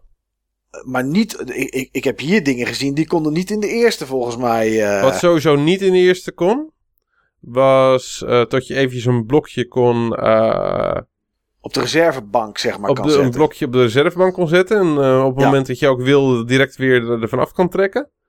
Ehm, dat is volgens mij ook niet nieuw in Tetris hoor. Nee, Puyo Puyo heeft dat ook. Dat is Ja. ook dat draaien, zeg maar. Ja. En ehm, wat ook zeg maar niet in de originele Tetris zat, is van dat je zeg maar. eh, of, of, ofwel van dat je hem ook direct zeg maar vast kan zetten. Hè? Jawel. Ja, jawel. Dat, eh, dat je hem echt gewoon direct gewoon op de grond kan dumpen. Ja, dat Tik. kon altijd, ja. Ja, dat, kon altijd. ja. Ja, dat kon gaaf. altijd. Maar dat heb ik pas maanden nadat ik Tetris had eh, ontdekt. Dat was het inderdaad, ja. Maar ik heb er wel na- naar gekeken. Ik vind het wel, ik vind het wel stoer. Ja, het is echt heel tof. En ehm, wat ik nu pas recent door had, later deze week, is dat je ook zeg maar gericht kan targeten. Je kan zeg maar, ehm, je kan, eh, joh, je neemt het op tegen 99 tegenstanders. En soms word je gekoppeld dan zeg maar aan andere tegenstanders. Dat zijn zeg maar jouw tegenstanders. En, ehm, en jouw blokjes komen er bij hun bij, hun blokjes komen er bij jou bij. Ja. Ehm, maar die kan je dus, je kan dus ook zeg maar echt een tegenstander handmatig kiezen. eh, door een beetje op te letten. Het gaat allemaal razendsnel. Maar iemand die zeg maar bijna dood is, kun je zeg maar met je sticks dan zeg maar ehm, naartoe bewegen. En die kan je dan zeg maar de genadeklap geven. En ehm, waarom is dat zinvol? Nou, dan krijg je een badge. En naarmate je meer badges hebt, op het moment van dat je, dat je dan zeg maar blokken bij iemand dumpt, komt daar een multiplier overheen. Dus des te meer badges je hebt, des te meer schade je bij iemand ook kan berokkenen. Ah, oké. Ja, Want Ja. ik vroeg me dat al af, want dan zag ik soms dat één iemand getarget werd door vier mensen. Dan denk ik, ja, hoe, wie bepaalt dat, zeg maar? Doet, doet de game dat zelf? Maar je hebt daar dus nou, er zijn, zelf twee, wel zijn verschillende modus. Je kan dat, ehm, eh, je kan dat zeg maar zelf kiezen. Je kan dat laten kiezen. En ook al laat je dat kiezen, kan je het ook nog zelf bijstellen. Maar dat targeten, dat is dus ook een belangrijke play eh, mechanic. En ehm, ik heb er ook wat filmpjes over zitten kijken. Je moet dus ook weten ehm, ja, wie je gaat targeten. Ehm, je kan zeg maar niet, eh, aan, het begin kan je zeg maar de, de zwakkere gaan kiezen. En de sterke, die moet je dan zeg maar eigenlijk eruit zien te, zien te werken. Ehm, voordat je helemaal aan het eind bent. Want dan blijf je gewoon met de allersterkste eh, verder. Die wil je gewoon eerder eruit eh, Ja. zien, eh, zi- zien, zien te werken. Maar pas nadat je een paar badges hebt. Want op het moment dat je iemand target die gewoon sterk is. ehm, dan gaat hij jou targeten. En ja, dan leg je het af. En als je dan zeg maar voordeel hebt met die badges. Dan da- dankzij die badges kan je dus gewoon winnen. Van iemand die eigenlijk gewoon beter is dan jij. Ja, precies. Maar dan moet je Ja. daar slim gebruik van maken. Dus Ja, ja. Ja, en het is, dat, eh, het is best wel een hele complexe game. ja, En ik verwacht dat ze dit ook nog wel... eh, dit kunnen ze zo mooi verder uitbouwen, joh. Ik denk echt dat hier eh, ja, nog tal van updates op gaan komen. Ja, ik vond het een briljante zet hoor. Door Ja, dit echt, eh, echt, echt uit te brengen. Echt briljant, echt briljant. En ehm, kijk, Tetris is gewoon zo universally loved. En ehm, ik heb veel, ehm, ik heb veel Destiny gespeeld. Ja, Ik heb, ehm, ik heb redelijk wat Halo 3 gespeeld. Maar ik heb echt veel Destiny eh, gespeeld. En je merkte bij Destiny, merkte je gewoon echt het verschil. eh, in de periodes dat Destiny echt populair was. Dat er gewoon populaire updates uit waren gekomen. Of er waren überhaupt updates uitgekomen. En iedereen was een beetje afgehaakt. Dat merkte je gewoon in de, in de laatste tijden van PvP-matches. En hoe, er, en hoe die, die matchmaking werkte. En ik heb nog nooit een spel gespeeld waarbij je, eh, nadat, je nadat je dood bent, mhm. zo, zo snel weer in een nieuwe match zit. een nieuwe game. Ja, Ja. ja. En dat, dat zit hem in twee dingen. Dat zit hem ten eerste gewoon zeg maar, in hoe dat geprogrammeerd is. Maar het zit er met name in hoeveel mensen dit continu spelen. Ja. En eh, je, het is niet alsof je zeg maar, met 15 tegenstanders wordt gematcht. Of met, eh, of met 9 andere mensen wordt gematcht of zo. Je wordt met 98 andere mensen gematcht. ja. Dus, ja, eh, ik, heb, ik heb het redelijk wat op Twitch zitten kijken, zeg maar. En ja, ik moet zeggen, daar ja, zaten een hoop mensen te spelen. Ook mensen dat ik denk van, nou, daar zou ik echt een portie klappen van krijgen. Er zijn echt mensen soms wel heel goed. Maar ja, ik vind het er bizar leuk uitzien. En ik vind het een heel tof iets. het is eh, ook echt bizar leuk. Het is echt heel goed. Misschien moet ik mijn proefabonnement maar eens activeren dan. Dat zou ik zeker doen, eh, Niels. Ik denk dat het een heel mooi moment is. Een keertje proberen kan geen En kwaad. ik, Nee. eh, ja, en eh, ik weet al wat er gaat gebeuren na het proefabonnement. Ja, ik zit eh, te kijken of dat ik misschien met een neef van mij die pas geleden Switch heeft gekocht en mijn broer dat we gewoon zo'n familieaccount van 35 euro kopen. Oh, dat is wel interessant. Ja, Ja. Ja, Dat is wel interessant, hè? Dus eh, ja, je hoeft niet eens per se familie te zijn. Je kan het gewoon zeg maar, door meer mensen delen natuurlijk. Ja, Ja, Ja. ik heb nu net een abonnement eh, gekocht en ik gun het zo ook. Maar anders zou ik, anders zou ik ook wel meedoen. hm. ja.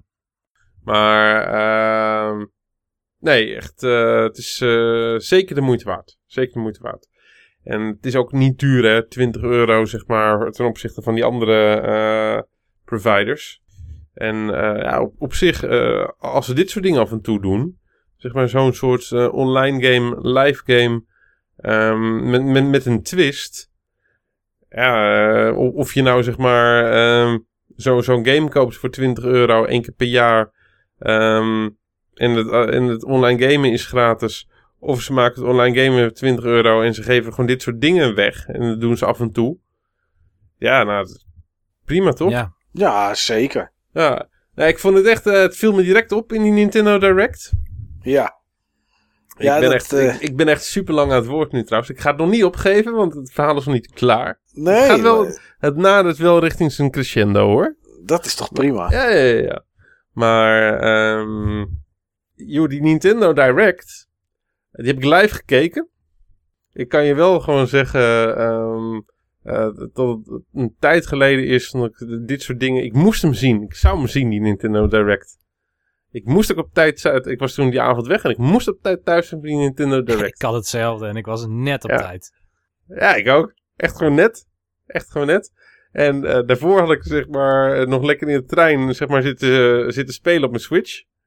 En eh, ik, had gewoon echt weer het lekkere Nintendo fanboy eh, gevoel wat ik vroeger ook gewoon eh, had.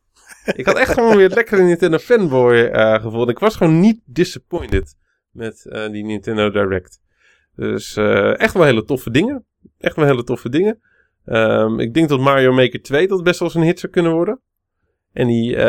en je wordt dus heel grappig, want ik zit, ik zit de laatste tijd zit ik ook zeg maar weer echt veel video's te kijken van, van Marvel Comics-achtige dingen. Mhm. Daar heb ik op dit moment zit ik weer op dit moment weer eventjes in een nostalgische fase mee. Dus het Marvel Ultimate Alliance, dat komt er ook wel. Oh ja, die lieten ze zien inderdaad, ja. Ja, ja, ja. En ehm wat is nog meer allemaal? eh, de Dragon Quest 11 leek, leek me ook tof.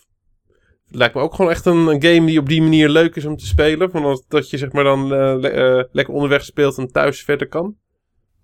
Ja, is een toffe game. Ja. Ja, maar het, het mooiste zat natuurlijk op het eind. Vond ik die Tetris, die Tetris 99, dat vond ik ook echt geweldig. Maar het mooiste zat echt op het eind. Ik weet niet eens meer wat er op het einde zat. Ik vond de laatste twee dingen op het eind mooi. Wat was het op één na laatste, eh Niels? Astral Chain. Oh ja, Oh ja, ja. ja, ja. dat vond ik ook Ja, wel dat sprak me ook interessant. wel aan. Sprak me ook wel aan. Van Platinum Ik denk, Games. niet dat ik, ik denk niet dat ik het ga spelen hoor. Ik denk niet dat ik het ga spelen. Maar ehm, het sprak me wel aan. Ik vond het er, ik vond het er mooi uitzien. En ik vind het sowieso tof van dat eh, het tot dit nu weer aan zit te komen. Maar wat ik wel sowieso ga spelen. Is eh, Legend of Zelda Link's Awakening. Oh, ja. Ja, dat vond ik echt helemaal fantastisch.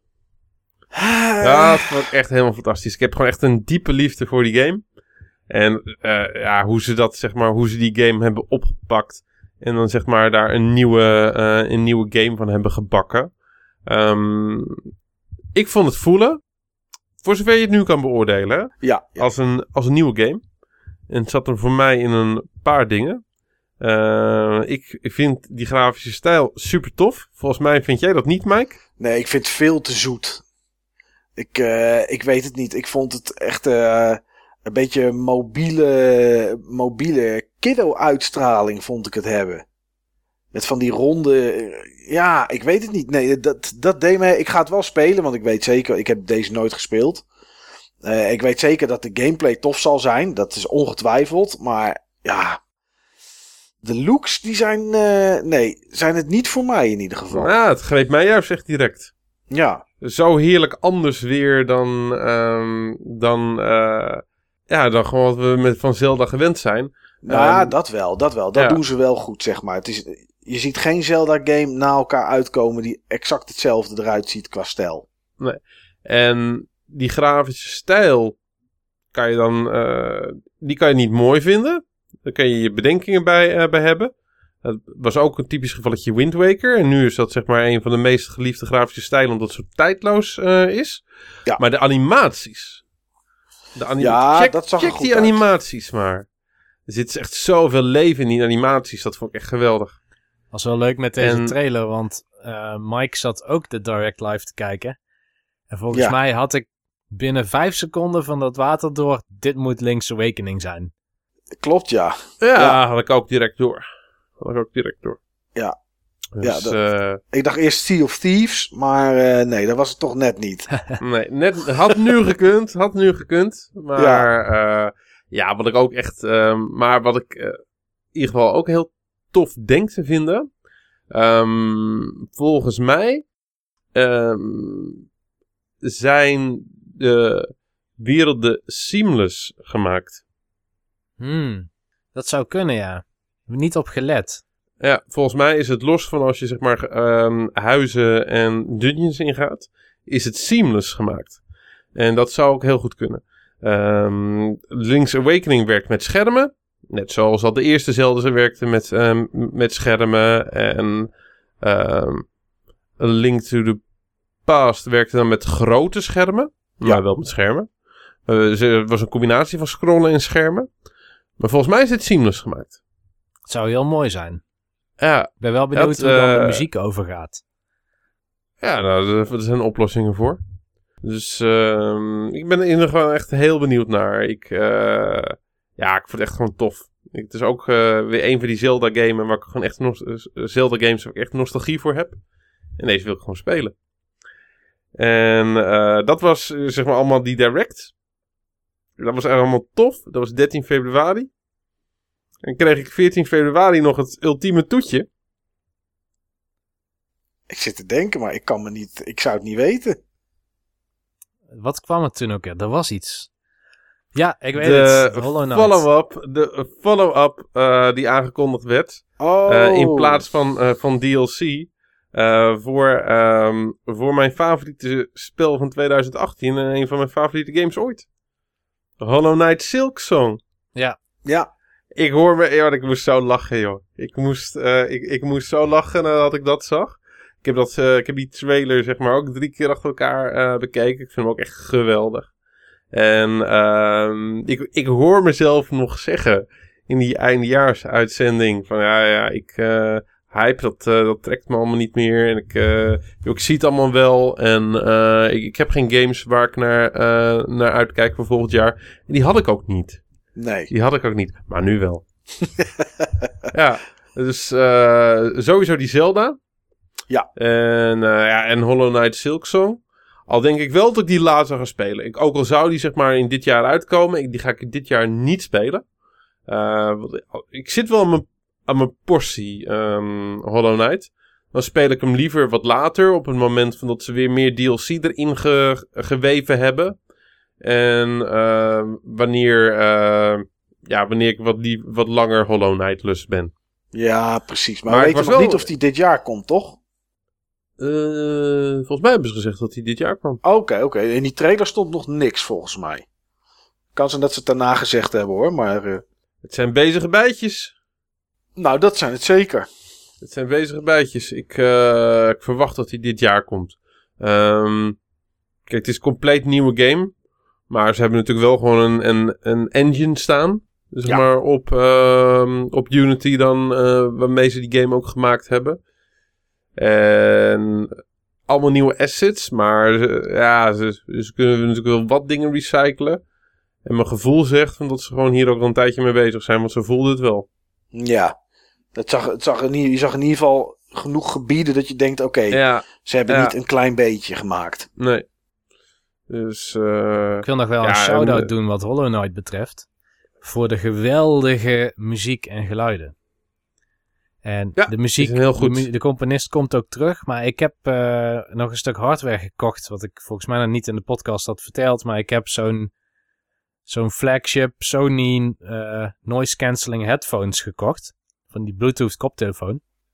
Ja. En ehm, dat is zo'n verrijking als je dan in het OV zit en je zet dat ding op en je zorgt dat je geen vrachtwagen meer hoort, of eh, bus bedoel ik meer hoort, geen trein meer hoort, alleen nog maar de game. Met hele goede geluidskwaliteit en dan vooral Hollow Knight, dus echt smullen. Nou, dat is Hmm. mooi. Dat is mooi. Ik, ik eh, hou daar persoonlijk niet van, eh, noise cancelling. En dat geeft me een heel onprettig gevoel. Dan heb ik het gevoel dat ik niet langer ben aangesloten op de wereld om me heen. Dat is lekker, Niet langer eh, aangesloten op de wereld. Ja, dat, ge- dat geeft me een heel erg, ja, dat geeft me een heel erg onveilig gevoel. Oké. Dus eh, nee, ik, eh, ik, ik hou daar niet van. Maar ik snap wel dat mensen er wel van, eh, van houden. In de sportschool vind ik het wel lekker. Ik zou niet weten hoe ik het in het openbaar vervoer of zo zou vinden, inderdaad. Ja, in de sportschool zou ik het ook niet lekker vinden. Je hebt altijd mensen die dan gewoon zeg maar aan je gaan lopen tikken en vragen wie hoe lang Oh, nee, ben je bezig en dat soort dingen. Nee. Ja, nee, dat heb ik nooit. eh, Dus, eh, maar jij bent natuurlijk ook niet een uur bezig met één apparaat. nee. Nee, binnen een uur heb ik er een stuk of, eh, een stuk of tien gehad. Dus, Ja, dat is Nee, verschillend. maar... ehm, nee, dus allemaal dingen om naar uit te kijken. Ehm, Marvel Ultimate Alliance, eh, Zelda, eh, Hollow Knight Silksong. En ook gewoon dingen om niet naar uit te kijken. Eh, nu is het nieuwe later. Dat, ik denk echt van dat, dat dat ook steeds vaker uit de kast getrokken zal, zal worden. Ehm, om zeg maar games als het ware een jaar of twee jaar op de hype train te zetten. Eh, dat is gewoon niet meer van deze tijd. Dat is gewoon niet meer van deze tijd. Eh, kijk naar Apex Legends. eh, bam. Het is, het, eh, het- is Ja. er en iedereen vindt het tof. ja. En, kijk, en kijk naar Anthem. Is twee jaar op de hype train eh, gezet. Niet tof. Nee. Ja, dat zal. Ja, goed. Dan ben ik benieuwd hoe het straks gaat als, eh, als Days Gone bijvoorbeeld uitkomt. En eh, Last of Us 2. Want die is dan ook al een hele lange tijd op de trein. Ja. Dus eh, kijk, eh, met dingen die gewoon echt goed zijn, werkt het natuurlijk wel, hè. Maar, ehm, ja, ik vind het minder bij de wereld van, zeg maar ook gewoon eh, dingen als een E3 ehm, een, lange aankondiging. Ik vind het minder bij de wereld van nu passen. Daar kan je van vinden wat je wil, maar dit is een wereld van instant gratification. En ehm, nu is het ultieme eh, instant. Ja. Ja, daar zit wel wat in. Ik, ik, ik vind langer van tevoren niet zo'n probleem als, ehm, ehm, als dan maar wel delivered wordt op dat moment. Snap je wat ik bedoel? Ik bedoel, Ja. Ori and the Will of the Wisp was twee E3's geleden. Dan zou je eigenlijk verwachten, nou, het volgend jaar komt hij er wel. En er is nog steeds geen release datum voor. Terwijl we nu al eh, bijna twee jaar verder zijn. En dan, ja, weet je, dan verlies ik wel een beetje mijn interesse. En dat, eh, dat heb ik altijd wel een beetje gehad. Maar tegenwoordig kan dat nog makkelijker, omdat er best wel een hoop uitkomt eigenlijk op allerlei verschillende platformen de, de hele maand door. Ja.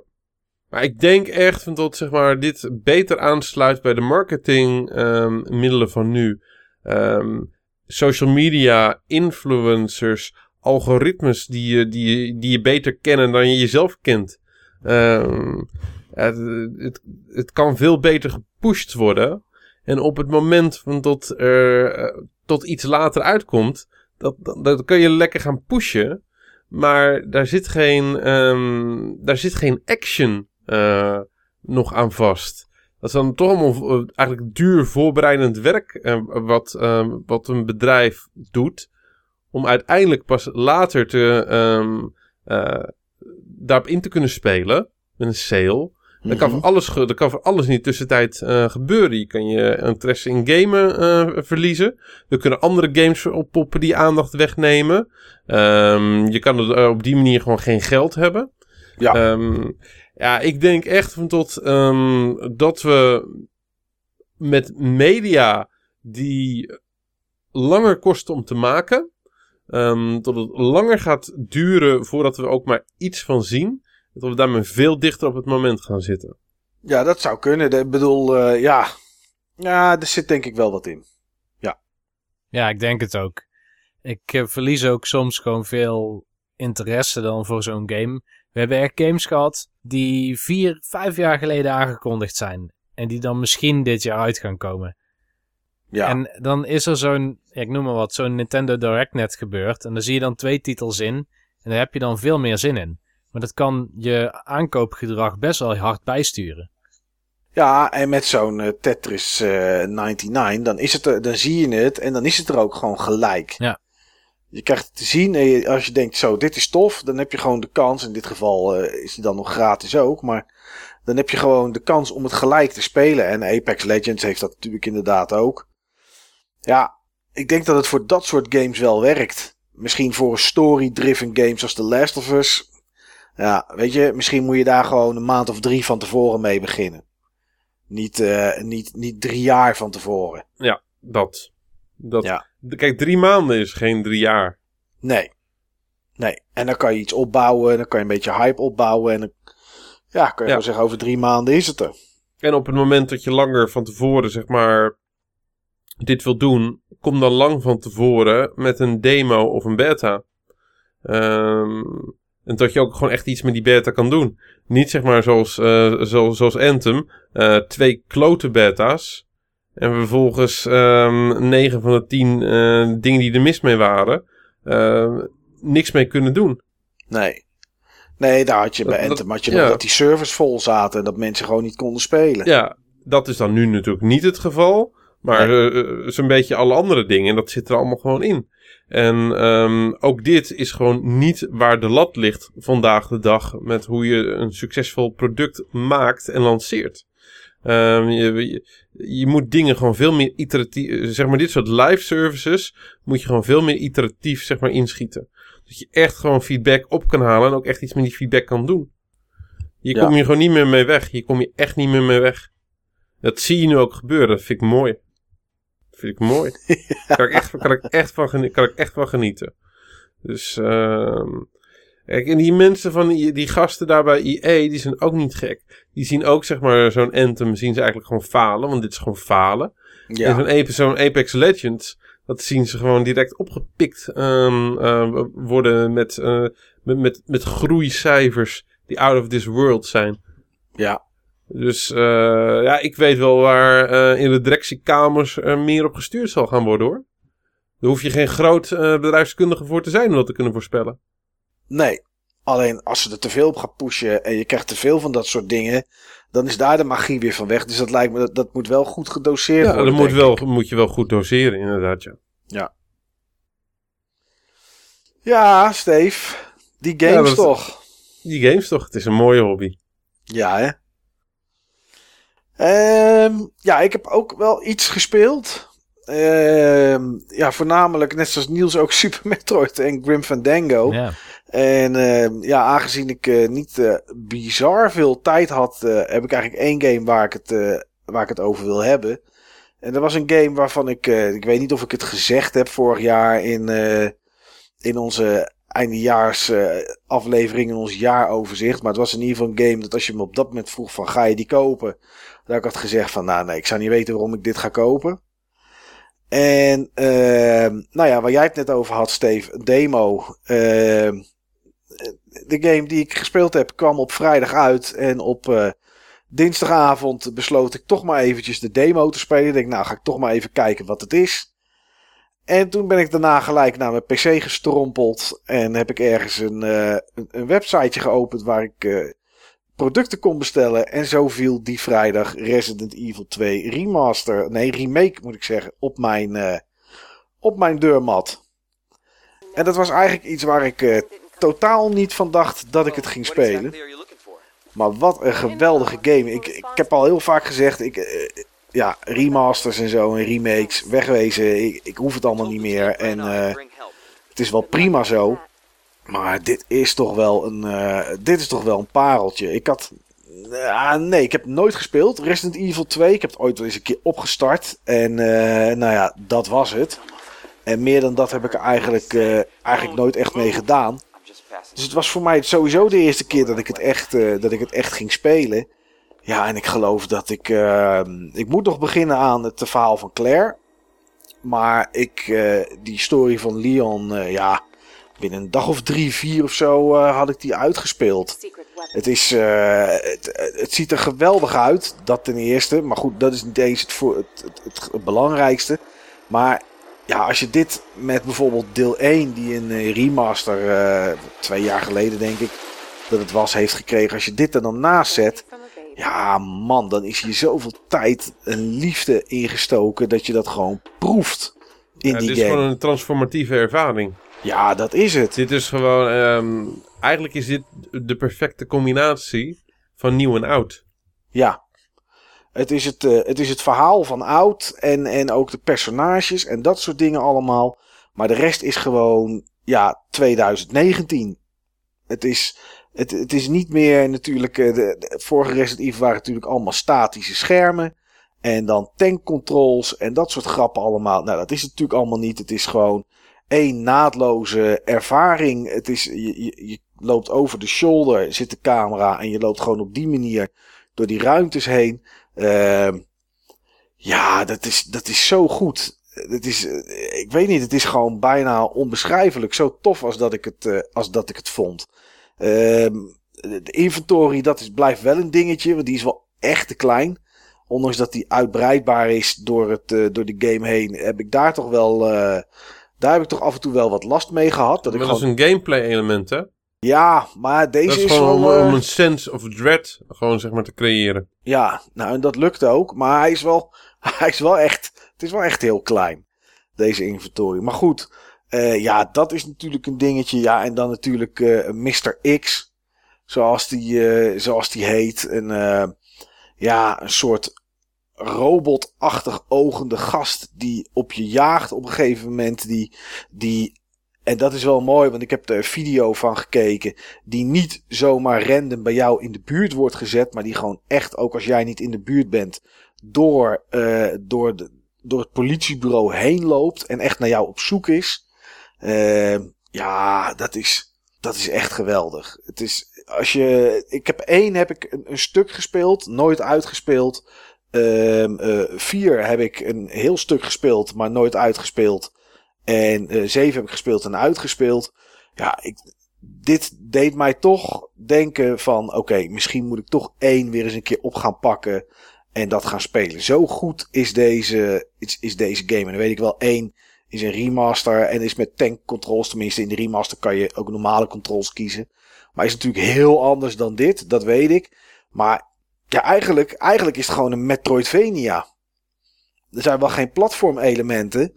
Maar ehm, op het moment dat je links bent en je hebt een item nodig en je bent linksonder op de map, weet je bijna zeker dat die drie etages hoger rechtsboven ligt. En heb je daar weer een sleutel, waardoor je eh, niet alleen verder kan voor de story, maar er ook andere deuren zijn die je weer open kan doen. En dat je daar weer items kan vinden. Het is echt, eh, ja, ik, heb nog nooit zoveel in een politiebureau rondgelopen als in Resident Evil 2, zeg maar. Gelukkig maar. Ja, zeker in de staat waarin het verkeert. Maar eh, nee, ja, dat is echt. Als je dit soort games een beetje tof vindt, dan zou je echt Resident Evil 2 Remaster moeten spelen. Het is echt, eh, het, is heel, het is heel goed. Bij mij is het eigenlijk andersom. Ik vind Resident Evil echt heel erg eh, niet leuk. Eigenlijk Mhm. allemaal op 4 na. Eh, ik denk dat Resident Evil 1 is de game die ik het meest geprobeerd heb leuk te vinden na Sonic. Waar we het de vorige keer over hebben gehad. Ja, Eh, ik denk dat ik Resident Evil 1 zeker, zeker 10 keer heb geprobeerd. Ehm, en ik heb Wanneer, wanneer Niels? Wanneer. ehm, ik, heb, ik heb op de PC vroeger een paar keer geprobeerd. Dat was de port van de PlayStation 1 versie. ja. Ik heb de GameCube remaster heb ik een aantal keer geprobeerd. Toen ik hem heb gekocht. Ik heb het denk drie jaar geleden nog een keer geprobeerd. Ja, dus ik kwam daar niet in. Ehm, maar ik moet zeggen dat de beelden van deze, die trekken me dan wel weer heel erg aan. Ook omdat het niet precies zoals die oude Resident Evils is. Maar veel Ja. dynamischer. Dat is het zeker. En het is, eh, ja, het, het, waar vier zeg maar een beetje de kanteling maakte met, met over de shoulder cam en, en, en dat soort dingen allemaal. Ja, dat heeft deze natuurlijk ook. Ja. En dat is, eh, ja, dat werkt zo verschrikkelijk goed. Dat is niet normaal, joh. Dat is echt, eh, ja, ik, ik moet de story van Claire nog spelen. Ik baal dat ik nog steeds geen tijd heb gehad om dat, eh, om dat te gaan doen. En dan kan ik ook nog Leon B en Claire B spelen. En dan krijg je volgens mij de real ending of zo. Ik geloof dat zoiets in elkaar steekt. Inmiddels is er ook DLC, gratis DLC. Eh, heb ik ook nog niet, nog niet nagekeken met drie backstories van eh, personages die je dood dan wel levend tegenkomt in het verhaal. Dus ehm, ja, ze hebben er wel echt werk van gemaakt.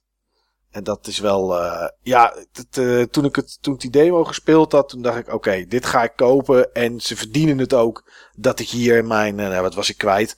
Viel wel mee. Eigenlijk bij de Mediamarkt was die 44 euro, inclusief zo'n steelboek. Ja. Die was, die was alleen bij de Mediamarkt. En ja, dat is het wel echt waard hoor. Dit is wel echt een, een hele goede game. Die van tijd tot tijd echt wel op het puntje van je stoel laat zitten. Dit is wel echt. eh, ik kan het iedereen aanraden als het maar een beetje licht je interesse wekt. Ik weet het niet 100% zeker. Maar volgens mij was Capcom de grote uitgever. Ehm, zoals Metacritic dat heeft ingedeeld. Ja. Die over 2018 ehm, het hoogste Metacritic gemiddelde had. Qua game publishers. Qua grote game eh, publishers. Oké. Ja, ze hadden natuurlijk Ja, ook dat- Monster Hunter World. Ja. Ja, Ja, Monster Hunter World en Mega Man 11. Oh ja. Eh, ja, ze zullen vast nog wel iets uitgegeven hebben, denk ik, in, eh, in 2018. Maar ik zou het even niet om, zo om 1 te daaraan te voldoen had je volgens mij minimaal zes titels nodig die je uitgegeven had. Oké. Eh, Microsoft was een kleine game publisher. Volgens, eh, volgens hoe dat ingedeeld was. Ja, ja, ja, ja, die hebben volgens mij maar eh, drie games of zo uitgegeven vorig jaar. Als ik het even eh, zo uit mijn hoofd zeg. Dus ja, dat snap ik inderdaad wel. Ja. Nou ja, meer heb ik op dit moment niet, jongens, om eh, over te praten. Ik kan wel zeggen dat, dat ik nog steeds Hearthstone speel, maar dat mijn interesse daar langzaam in weg. Ik denk, nou ja, daar heb ik het zo vaak over gehad. Dit moet ik nog wel heel eventjes zo eventjes vertellen. En, eh, en daar is nog niks voor terug. Dus eh, eh, wat ik met mijn pauzes ga doen, weet ik nog niet. Maar nou ja, misschien een keertje naar buiten. Dat zou ook wel lekker zijn. Dat is ook wel gezond. Ja, fris, frisse lucht.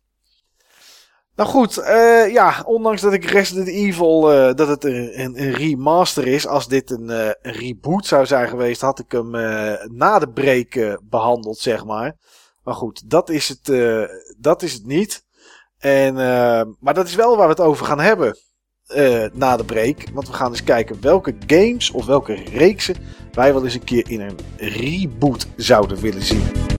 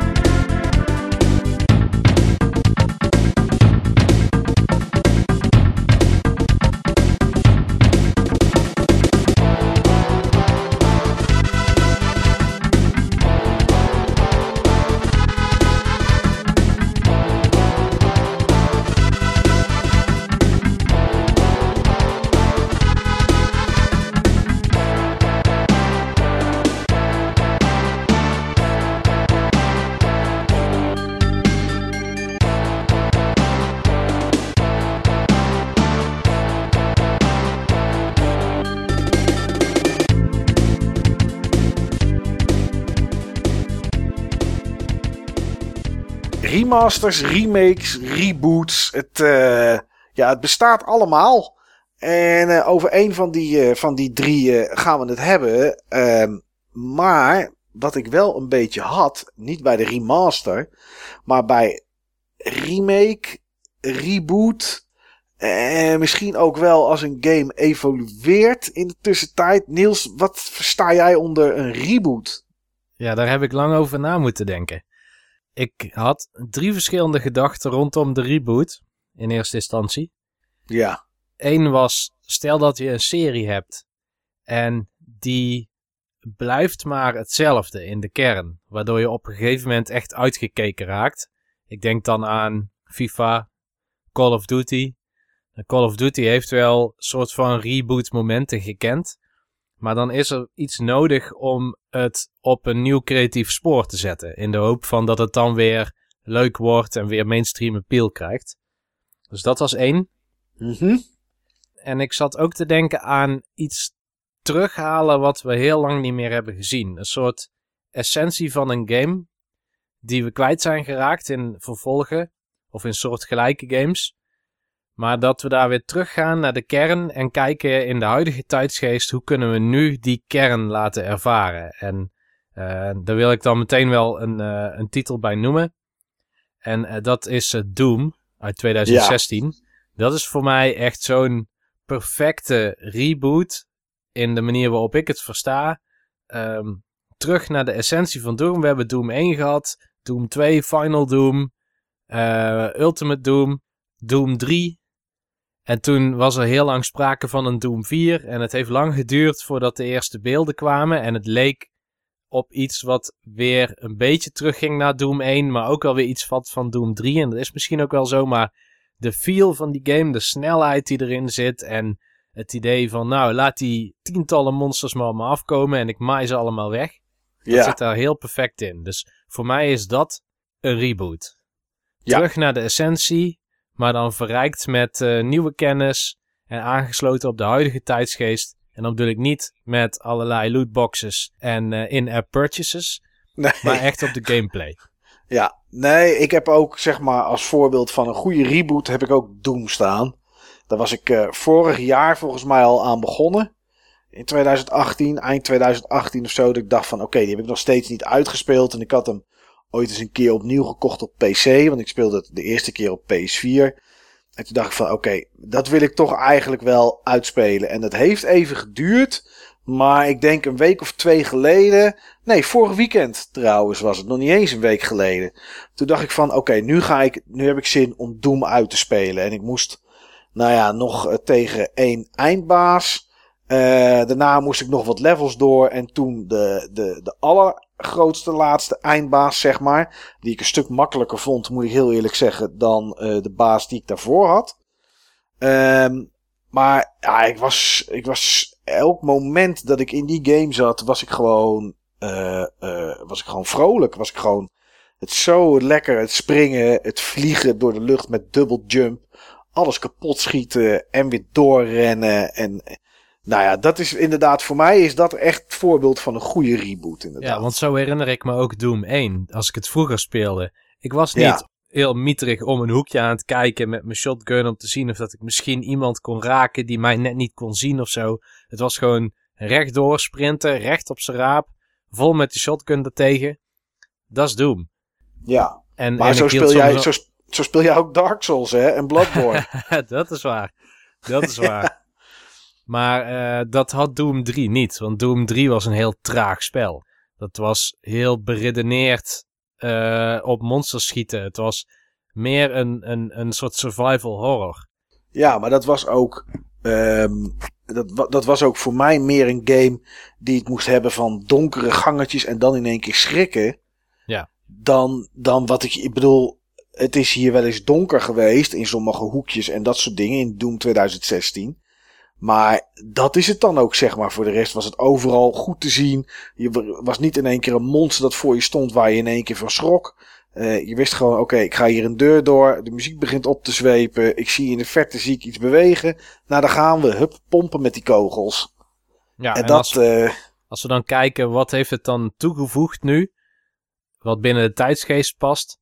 Dan is dat denk ik die hele grote mate van mobiliteit. Die, die vrijheid die je voelt om overal te gaan en te springen en te rennen wat je maar wilt. Of op dingen te klauteren. Je ja, hebt een soort van parcourssysteem en dat gebeurt automatisch. Dus je zit constant in een flow terwijl je het speelt. ja, ja, ja, ja. Het, het, het, het begint en dan is het continu eigenlijk door, door, door, door, door. En dat is wel lekker. Ja. En, maar je had toch een derde dingetje? Of was, het, eh, of was hem zo compleet? Nou, die heb ik nu wel een beetje samengevat in die tweede. Maar ik zou denk ik ook bijvoorbeeld Monster Hunter World daartoe rekenen. Hmm, snap ik. Ja, ja. Vind ik wel een iets lastigere, eh, maar ik begrijp het wel. Want dit is wel de Monster Hunter, wat hadden we daarvoor? Wat was het laatste? 20 of zo? Of X, XX? Ja, Volgens mij. Cross Cross, of hoe wat het ook is. En dit is wel Monster Hunter World, is wel een Monster Hunter voor deze generatie. Ja, want waarom speel je Monster Hunter? Omdat je die grote monsters aan wil vallen. Alleen in eh, eh, Cross Cross of eh, Cross Cross Ultimate, of hoe die ook hier heet, daar ging het steeds meer ook over het voorbereiden op het hunten. En dat is ook heel belangrijk. En dat vind ik zelf een heel mooi aspect van Monster Hunter. Je gaat niet zomaar de uitdaging aan. Je gaat goed voorbereid de uitdaging aan. Je kijkt, wat is dit voor soort monster? Wat zijn zijn weaknesses? hoe spek ik mijn, mijn eh, karakter zodat ik daar eh, gebruik van kan maken? Wat voor traps heb ik nodig? Moet ik misschien ehm eh, tranquilizer bommetjes meenemen? Of moet ik een paintball bom meenemen zodat we hem kunnen volgen door het level? Maar een heleboel van die aspecten die zijn gestreamlined in Monster Hunter World. Dus je hoeft hier niet meer zoveel zorgen te maken over hoe je precies het gevecht ingaat. Het gaat nu echt puur om het vechten. En daar hebben ze ook weer nieuwe dingen mee gedaan. Ehm, die monsters die kunnen wat vrijer door de wereld, omdat het niet meer gesegmenteerd is. En monsters kunnen ook samen in één stuk zitten en dan vallen ze elkaar aan. En dat was voorheen ook wel, maar dat was dan heel erg scripted. En misschien nu nog wel trouwens, want ik heb World niet zo heel veel gespeeld. Maar eh, ja, World heeft mij weliswaar niet zo gegrepen als sommige vorige delen. Maar ik zie het wel als een succesvolle reboot. Want het heeft daardoor ook een heel nieuw publiek weten te bereiken. Inderdaad. Ehm, en voor jou, Steve, wat is voor jou zeg maar een, een echte reboot? Waar, waar moet dat aan voldoen? Ehm, daarvoor heb ik vijf criteria. Oké. Mogelijkheden. Eh, vijf mogelijkheden om, eh, om iets te rebooten. Eh, dat is ten eerste wat Niels net heel duidelijk heeft gezegd. Ehm, games die teruggaan naar de kern, omdat ze te ver bij de kern vandaan zijn gedreven. Ja. Ehm, ja, ik denk dat daar gewoon eh, goede voorbeelden voor, ehm, voor, eh, voor, zijn. Zoals inderdaad eh, Resident Evil 2. Ja. Resident Evil is een, ja, is, een, is een remake, maar ook gewoon een reboot. Zeg maar een Resident Evil game zoals Resident Evil 2. Die is een tijd niet geweest. Nee. Nee, zeker niet als je kijkt naar 6. Het verschil tussen 6 en 7. 6, dat waren drie, nou uiteindelijk vier verhalen. En waarvan de één een beetje was zoals vroeger. En de rest was eigenlijk gewoon neermaaien van zombies. Nou, en toen kreeg je 7. En dan nu deze, deze, deze remake, zeg maar. Ja, dat is wel echt gewoon dat je soms één of twee zombies op je afkrijgt. En dat je aan het sluipen bent en weinig kogels hebt en dat soort dingen. Dus dat is inderdaad wel eh, meer terug naar de kern dan, eh, Ja. dan wat het was. En 7 was in veel opzichten ook een reboot. Ja. Terug naar eh, survival horror. Wat ook een, een vorm is van een reboot is zoals we recent hebben gezien bij God of War.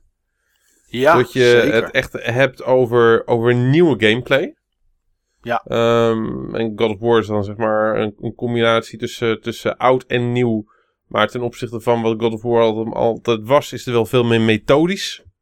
Wat, eh, wat, wat, wat trager, wat, eh, ja, wat, wat meer gewicht aan, ehm, aan- die gameplay. Dus dan heb je het, dan heb je het echt over, eh, over eigenlijk een nieuw, een nieuw spelconcept. En eigenlijk zeg maar, de- deze twee vormen van reboots, die gaan ook ehm, eh, hand in hand. Eh, soms is de een ook gewoon nodig op het moment dat de ander te veel is mislukt. Ja, Ehm, wat je ook hebt, zijn, ehm, zijn reboots puur op verhaal.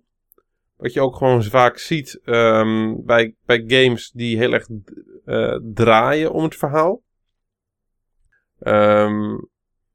Dat, een, eh, dat enerzijds een, een verhaal opnieuw wordt verteld. Of anderzijds dat een verhaal opnieuw wordt eh, verteld om het vervolgens echt een, een, een heel ander soort draai te geven dan, eh, dan oorspronkelijk omdat vanuit een serie het verhaal te complex is, ehm, is, is geworden. Of niet meer in de tijdgeest eh, eh, past. Eh, of dat het gewoon te, te moeilijk geworden was qua continuïteit. Mhm. Ehm, een reboot die in feite een continuïteitsbreuk is in het verhaal. ja, ja, dat is wel een, eh, dat is wel een mooie inderdaad. Kun je daar een Ja. voorbeeld van geven? Ja. Ehm, in, in zekere zin kun je, elke, kun je elke Zelda op die manier als een reboot zien op verhaal. Weet je dat ik daar Nou, precies, bijna elke, precies aan bijna elke? Zelda.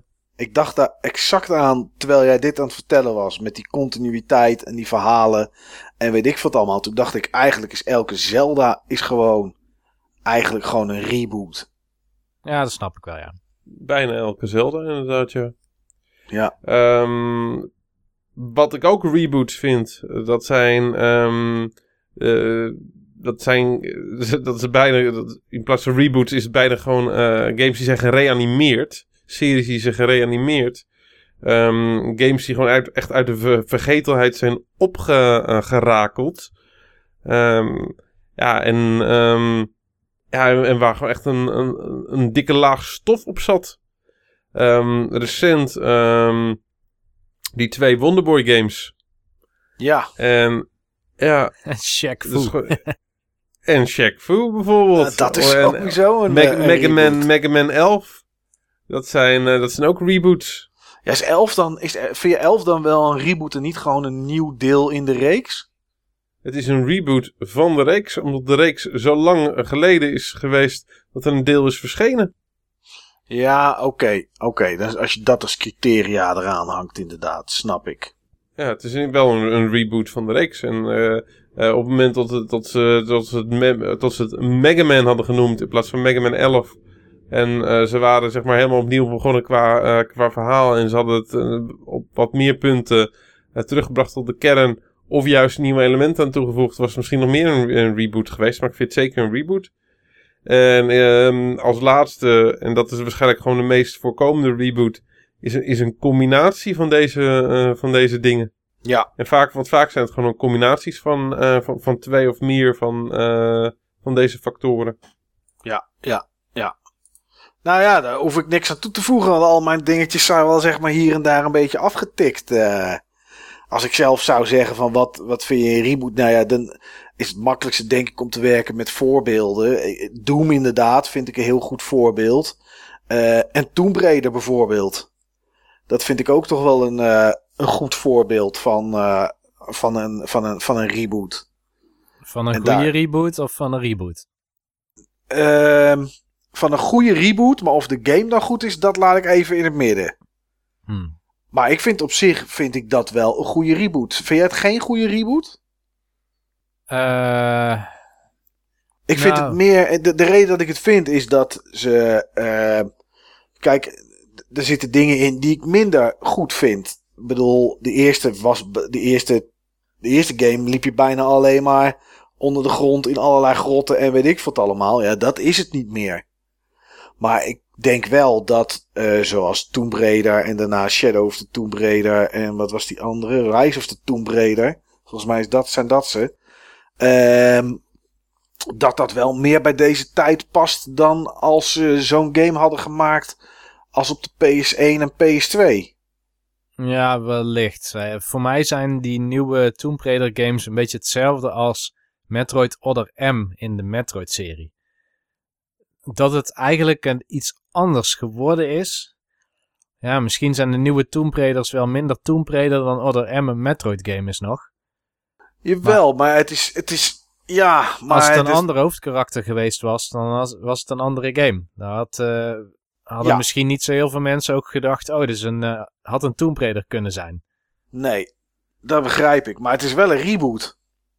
Ja, dat zeker. En, en toch, ja, ik snap wel wat je bedoelt hoor. Ik, ehm, ja, ik weet ook niet als je een reboot Er worden weinig tombs, tombs gerate, toch? In, eh, Eh, in, in- het eerste, in het eerste deel. Nou, vooral in de tweede zitten er heel weinig in. En eh, daar is het echt meer actie. Derde zitten er wel wat meer in. En er zitten best wel aardige in ook, moet ik zeggen. Eh, die heb ik toch wel met redelijk plezier gespeeld. Maar ik snap wel, ik snap het wel, Niels. Maar ja, de- hoeveel moet er dan voor, voor, voor jou, Niels, in een reboot nog zitten van het origineel? Nou, de essentie moet er wel in zitten. Anders is het Ja. voor mij persoonlijk geen reboot. Ja, je kan het wel reboot noemen omdat je de setting hebt veranderd. Of omdat je allerlei ja, surface level features erbij hebt gedaan. Ja, Maar we hebben best wel veel reboots de laatste tijd. Ik vind bijvoorbeeld eh, die Super Mario Party van vorig jaar is ook een soort reboot. Want die Mario Party games die werden steeds aparter. Die gingen steeds verder weg van jij bent een speler en je mag een dobbelsteen gooien en dan land je op een vakje en dan komt er een minigame. Het was eh, Ja. met auto's en samen ergens naartoe. En eh, ik denk dat ze nu dan weer terug zijn gegaan naar oké, wat willen mensen doen? Minigames spelen. Hoe doen Ja. ze dat? Via een bord en dan gooien ze dobbelstenen. En waarom is dat dan dobbelstenen? Omdat je dan ja, een, eh, het idee hebt dat je iets van agency hebt over waar je terecht komt, maar niet Ja. heel precies. Dat er ook nog wat verrassingseffect in zit. Daar hebben ze daar weer in doorgepakt door jou eh, ja, allies of zo te geven. Dus je kan, weet ik veel, een Koopa paratrooper of zo loopt dan achter je aan. En die gooit ook een dobbelsteen. En je kan nieuwe soorten dobbelstenen erbij kopen, waardoor je steeds net iets meer onder controle krijgt hoe ver je zou kunnen komen of binnen welke bandbreedte je ergens zou kunnen landen. Dus ik zie dat wel als een soort reboot, ook al is die best wel, ja, hoe moet ik het zeggen, lijkend op de allereerste versies die Ja, oké. Ja. Nou ja, goed. Weet je, ik vind dat wel een, een, een, een, een, een, een- ja, lastige vergelijking als je dat naast Tomb Raider zeg maar zet. Eh want je zou zeggen, ja, essentie van Tomb Raider is Raider. En dan zeg ik, oké, ja, dat snap ik. Maar Mario Party, om dat in één keer hele andere gameplay te geven, zou natuurlijk sowieso niet kunnen, zeg maar. Maar de essentie Eh, is Kijk, niet per se je, hoeft te er, je hoeft er niet per se een reboot te vinden die op een manier reboot die je tof vindt. Nee, nee, daar, daarvoor. ze- Nee, nee, dat is ook zo. Kijk, Niels zegt natuurlijk ook wel van ja, weet je, Tomb Raider is wel inderdaad wel een reboot. Ja. Joh, om nog eventjes een voorbeeld te geven van een andere reboot. Ehm, eentje van hem echt alweer een tijd geleden. Ik denk dat die serie inmiddels alweer een nieuw reboot nodig heeft. Ninja Gaiden. Oh ja. Ja, Ehm, die Ninja Gaiden game die uitgekomen is op de Xbox, die daarna nog twee sequels heeft eh, gekregen. Ehm, dat heeft weinig te maken eh, met de oorspronkelijke NES games. Ehm, het enige wat het mee te maken heeft is dat het een actiegame is met ninjas. en dat het daar pittig zijn- is. Daar, ja, en dat het pittig is, daar zijn er wel meer van. Maar de manier hoe het pittig is, is compleet anders. En de gameplay is gewoon echt compleet anders. Ehm, het, het volgt hetzelfde karakter. Het volgt ehm, niet hetzelfde verhaal. Dus eh, dat, dat is gewoon een. dat, dat is een, een game, serie ook. Zichzelf op verschillende manieren reboot. Ten opzichte van eh, de klassieke games waar heel veel mensen mee zijn opgegroeid. Ja. Ja, dat is wel zo inderdaad. Hm, hm, hm. Het gaat, gaat niet terug naar de kern. Het doet gewoon Nee. iets anders. En ehm, ik durf wel te zeggen dat veel mensen die die Ninja Gaiden games eh gaaf vinden, niks hebben met die 2D-spellen en andersom. Nee, zeker. Dat is, dat is wel zo inderdaad, ja. ja.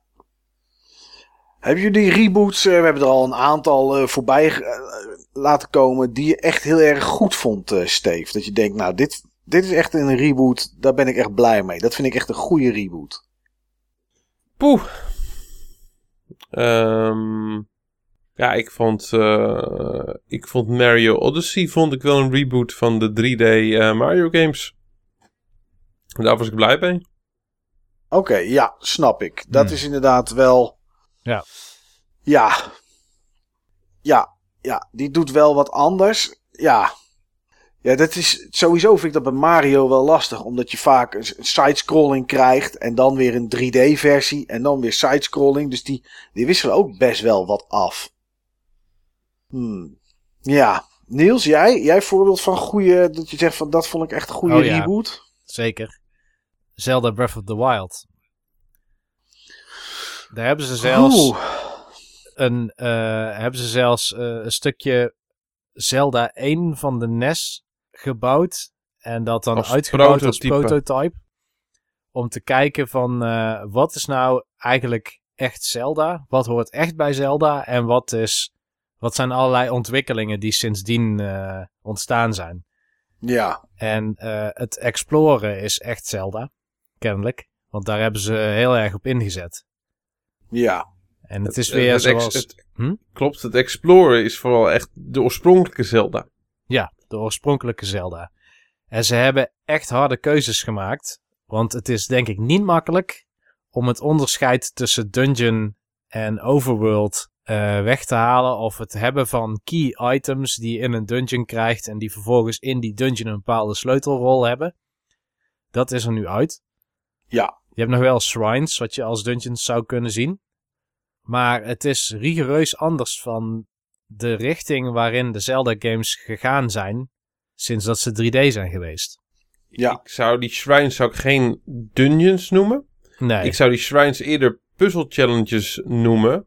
Waarbij in veel andere Zelda games die puzzle challenges bijna synoniem waren met de dungeons. Dat een dungeon een optelsom aan puzzle challenges was. Nu zijn die in feite veel meer losgeweekt. Ehm, ja, lo- losgeweekt ten opzichte van hoe ze vaak gepresenteerd zijn in het verleden in die serie. Ja. Ja. Ik vind overigens, ehm, ja, Zelda, vind ik, eh, deze Zelda, eh, die stond ook op het lijstje van waar ik het vandaag ook over wou hebben. Ehm, ik denk dat het een, een prachtig voorbeeld is van een geweldig geslaagde eh, reboot. Ehm, een hele ambitieuze eh, reboot, een hele goede reboot. En als een, ehm, als een toch wat, wat minder geliefde ehm, eh, reboot. Eh, want, eh, eerst was er natuurlijk heel veel praise voor die game. Is er nog steeds. En terecht, want het is gewoon een bijzonder goed spel. Eh, waarin Nintendo gewoon oprecht heel veel risico's neemt. En ook heel, veel dingen goed doet. Maar ehm, niet iedereen is er even blij mee. Heel veel mensen vinden ook dat die game te veel af is gaan drijven. Van wat die serie ehm, over de loop der jaren is geworden. En eh, hoe die is gestart is niet per se van hoe die is geworden. En veel meer mensen zijn bekend ehm, met, met, Zelda à la ehm, Ocarina of Time dan, dan, dan met de oorspronkelijke Zelda. En als je bijvoorbeeld kijkt naar de template die gewoon is neergezet in, eh, in Ocarina of Time. Dat is voor mij niet de template uit Ocarina of Time. Dat is voor mij de template die eh, is ontstaan in A Link to the Past. En is doorvertaald eh, eh, naar een 3D-game. Maar als je kijkt gewoon naar, de- naar hoe die game in elkaar zit. Dan vind ik wel dat, eh, dat dat is ontstaan in eh, A Link to the Past. Ja, Ehm, dat is Breath of the Wild absoluut niet. nee. Het is geen A Link to the Past, een game waar heel veel liefde is, voor is. Het is geen Ocarina of Time, een game waar heel erg veel, eh, veel liefde voor is. Ja, ik... ehm, Nee, maar zo had Ik- je ook mensen, bijvoorbeeld met Ocarina of Time of met Link to the Past, die dat niet leuk vonden, omdat het geen originele Zelda was. Ja, maar ja, dat is. Ja, goed, we hadden Zelda natuurlijk de straks al. Die doet natuurlijk best wel vaak. Doen ze bij Nintendo wat anders Ja. met, die, eh, met die Zelda's. eerst, de eerste twee Zeldas al. Meer anders kan je het niet maken. Nee, inderdaad. Ja, dat was al een heel groot verschil. Nog andere voorbeelden, Niels? Van, eh, je zei net, ja, daar heb je, heb je vast Tuurlijk. nog wel iets. Ik trek wel wat uit mijn mouw. Ehm, nou, ik vond eh, Fire Emblem Awakening ook wel een reboot. Ehm, oh, zeker, zeker. Fire Emblem is een, is een serie die al lang meegaat. Awakening is waarschijnlijk het elfde deel, misschien twaalfde, twaalfde denk ik. Misschien zelfs dertiende. Nou ja, maakt niet uit. Ehm, er zijn in ieder geval veel Fire Emblem games voorgegaan. Meestal waren Fire Emblem games vrij lineaire ervaringen waarin je karakters had die eh, je kon levelen. En natuurlijk, je hebt heel veel karakters en je kan zelf een keuze maken met welk karakter wil je door. Maar in Awakening was het volgens mij voor het eerst dat je heel veel controle had over hoe die karakters zich konden ontwikkelen.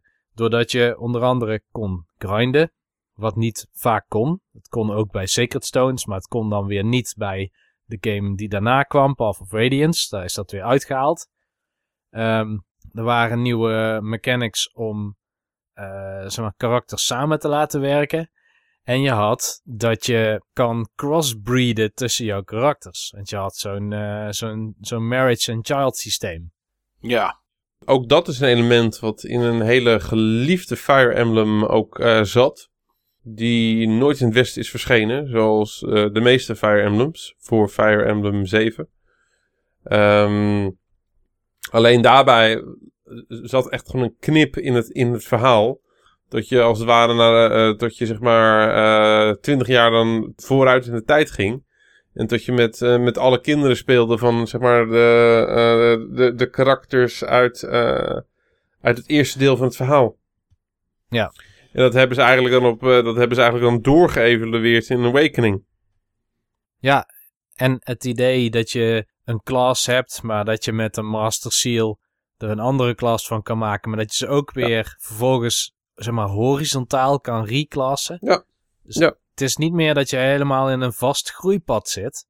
Maar je kan het hele groeipad voor elk van je karakters zelf bepalen.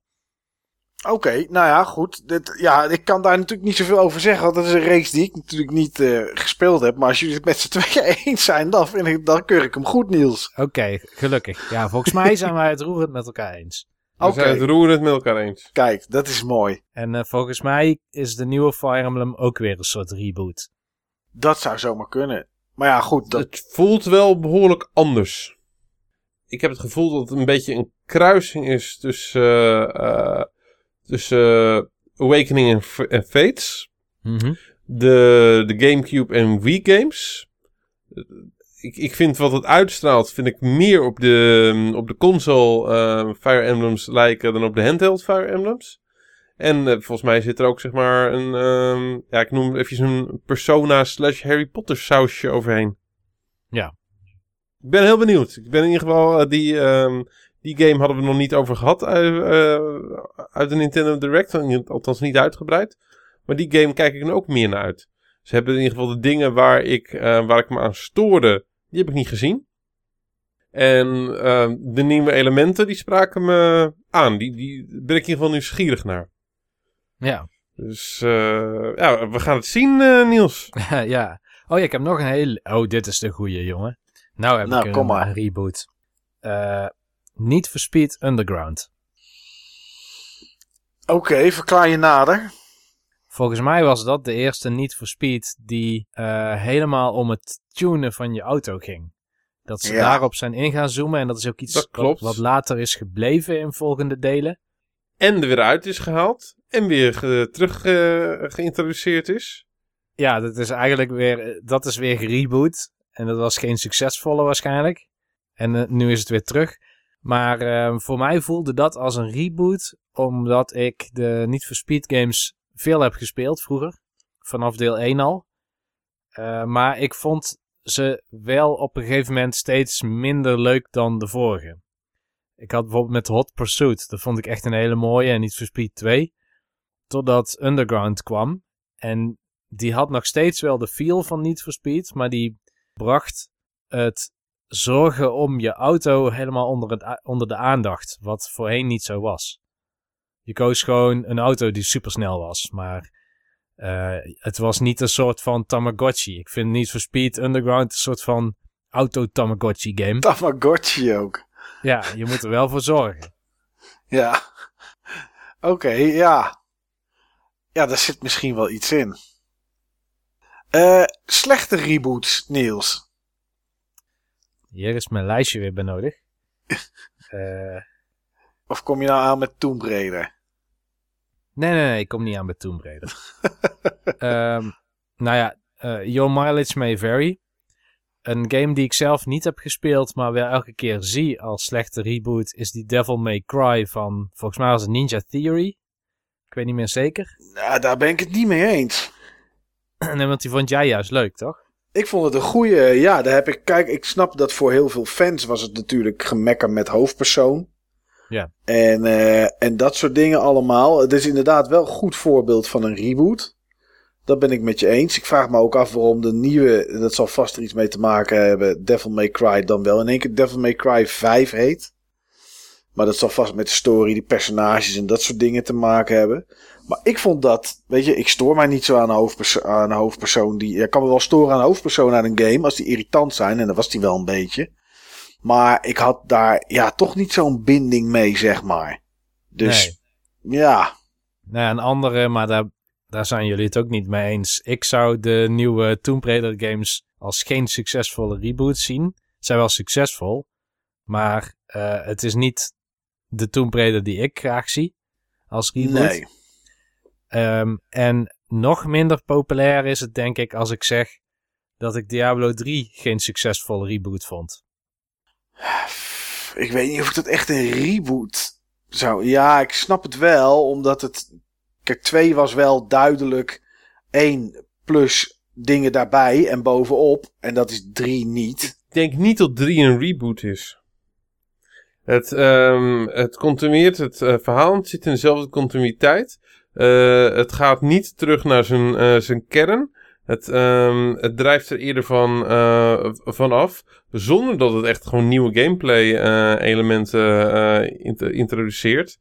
Ehm, en het is ook niet echt uit de vergetelheid opgeraakt. Nou, de manier waarop ik het als reboot zag, was omdat ze eigenlijk de, de strategische elementen die in de eerste twee games zijn, dat ze die eruit hebben gehaald. Want waarschijnlijk als ze die lijn door hadden moeten zetten van 1 naar 2, dan had je eerder een soort van eh, Path of Exile-achtig systeem gehad. Waardoor ze een groot deel van de doelgroep misschien wel kwijtgeraakt zouden zijn. In ieder geval niet de doelgroep die ze nu hebben aangeboord. Want Diablo 3 is, is onmeetbaar populairder geweest op zijn hoogtepunt dan Diablo 2 zelfs. Ja. Ja, ik begrijp je gedachten. Ik weet niet of ik het inderdaad helemaal mee eens ben. Want volgens mij is het. Ja. Het doet wel. Het doet, hij heeft wel dingen weggehaald. Eh, Maar ik denk dat dat puur is om een groter publiek aan te spreken, inderdaad. Wat je net zegt. Anders was het misschien skill trees zoals Path of Exile, inderdaad. En dat is. eh, nou ja. Waarschijnlijk niet voor het grote publiek. Ondanks dat er best wel veel Path of Exile spelers zijn. Maar dat komt voornamelijk omdat die game gratis is, denk ik. Ik denk dat het daar wel iets mee, eh, mee te maken heeft. Maar goed, eh, ja, van mij mag hij op je lijstje natuurlijk, eh kerel. Ja, hij stond er al niet- op, hè? Ja, ja, ja, daar doe ik niet moeilijk over. Nou, ik zou zeggen, overtref het maar eens. Eh, Moet wel lukken, denk ik, maar ja. ja, Dino Donnie's kick-off. Wat? Vroeger had je op de Amiga en de Commodore 64 had je kick-off.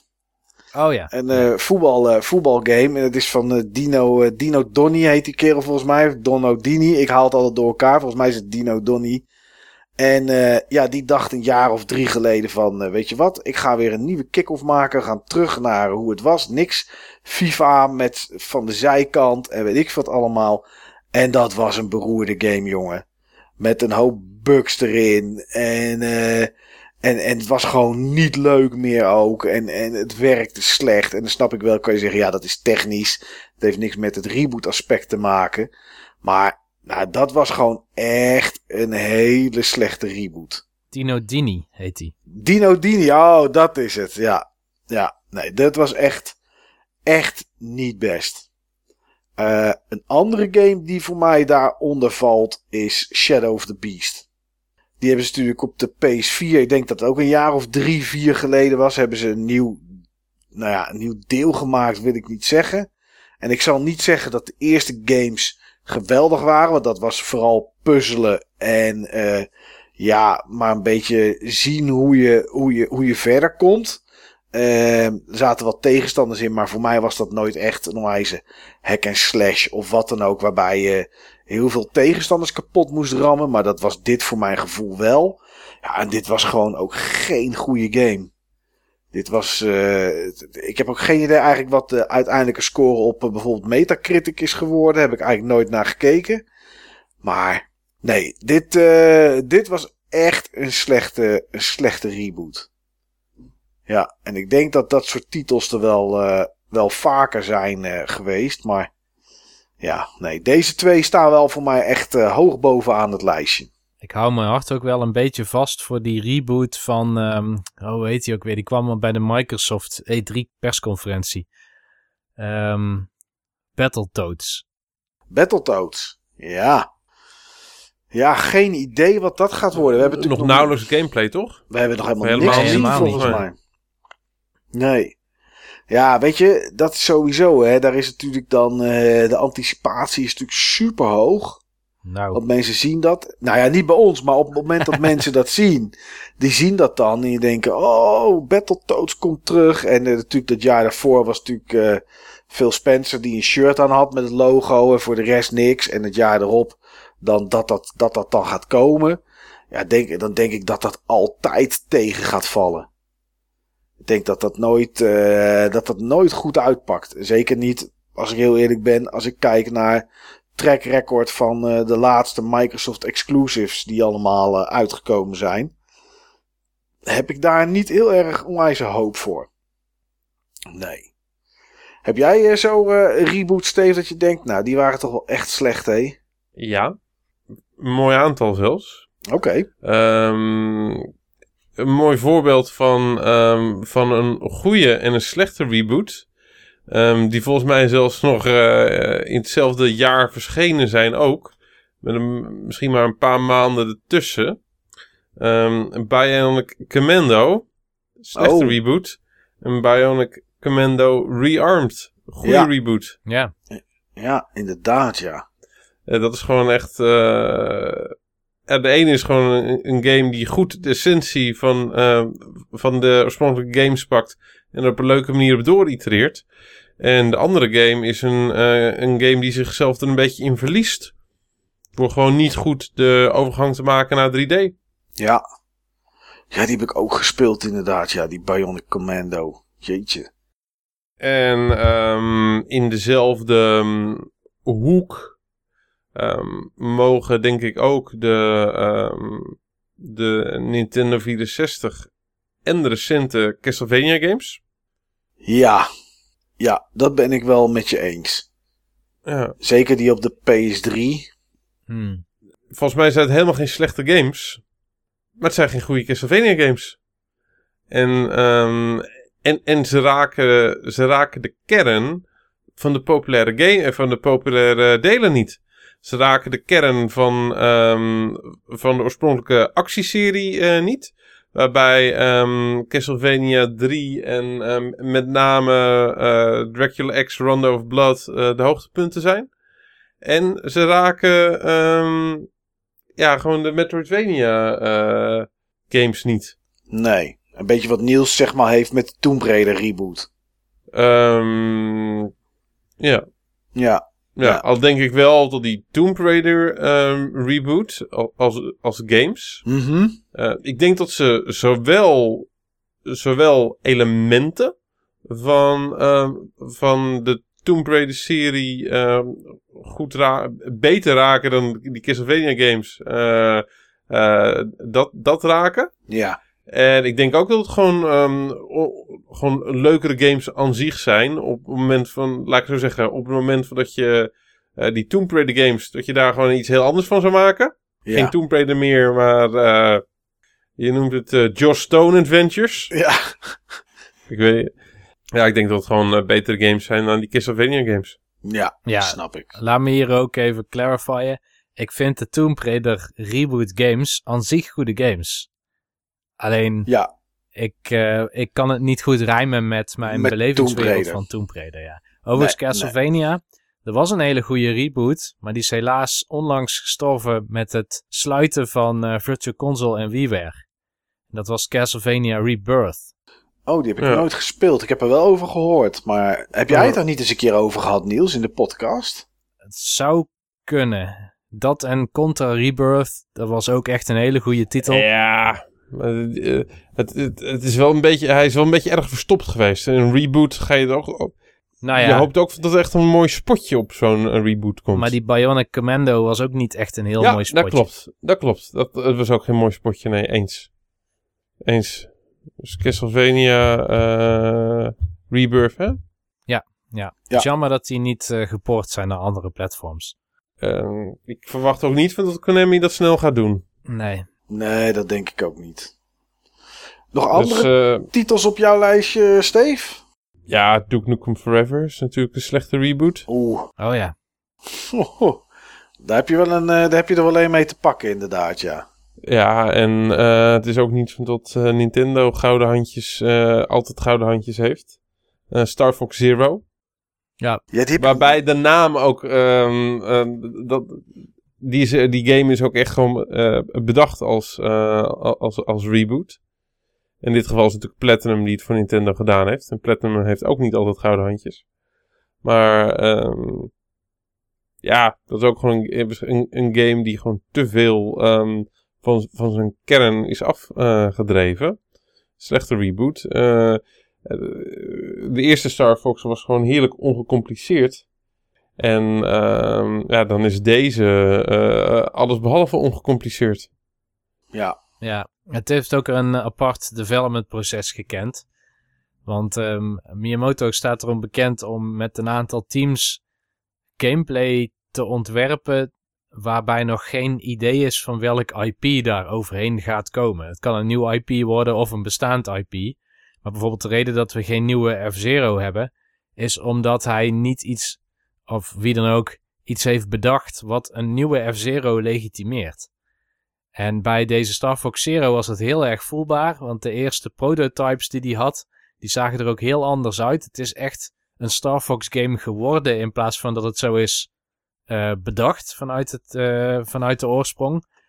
En dat voel je ook. Dus ondanks dat ik zelf best genoten heb van een aantal aspecten van Star Fox Zero, vind ik het ook een slechte reboot. Omdat je met een reboot wel verwacht, tenminste ik persoonlijk verwacht, dat je ja, die essentie zeg maar van het fijn kunnen vliegen en schieten. Want daar was Star Fox zo nieuw en goed in. Ja. De controls waren super responsive en, en intuïtief. En die zijn compleet overhoop gehaald voor, het, voor die reboot. Ja, ja dit, die snap ik wel inderdaad. Ja, ik heb hem niet gespeeld, maar als ik dit zo hoor, dan denk ik, ja, oké, dat is inderdaad, eh, die hoort er wel bij.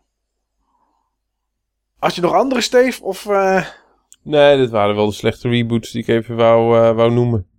Oké, nou ja, goed. Het, het, het onderwerp is reboots die wij graag zouden willen.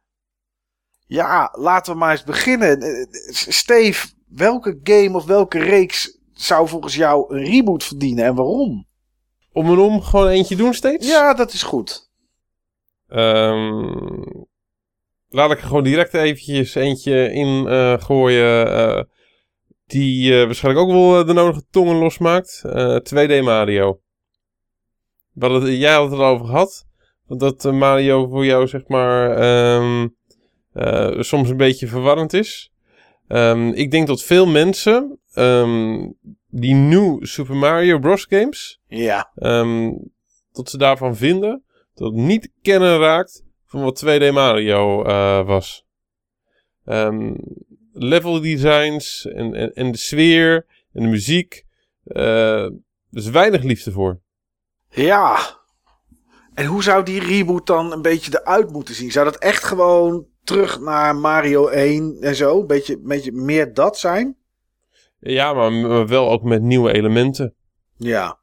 Dus en dat, ehm, ja, dat, dat, dat, dat, dat kunnen de goede Mario teams eh, wel. Maar ja, ik heb toch het gevoel van dat op deze games een beetje gewoon de mindere broeders eh, zitten. Ja. Volgens mij was die, die Wii-game die we toen ook op de Button Bashers dag hebben gespeeld, wel door het, eh, het grote main team gemaakt. Oké, dat was nieuw Super Mario Bros. Wii, volgens mij. Ja, Ja. Ja, ik snap het wel, Steve. Ik denk wel... Volgens mij is dat ook een van de betere New Super Mario Bros. games. Ja. Maar ja, het is gewoon nog steeds wel heel erg anoniem ten opzichte van, ehm, ja, van eh, een Super Mario World of Super Mario Bros. 3. Ja zeker.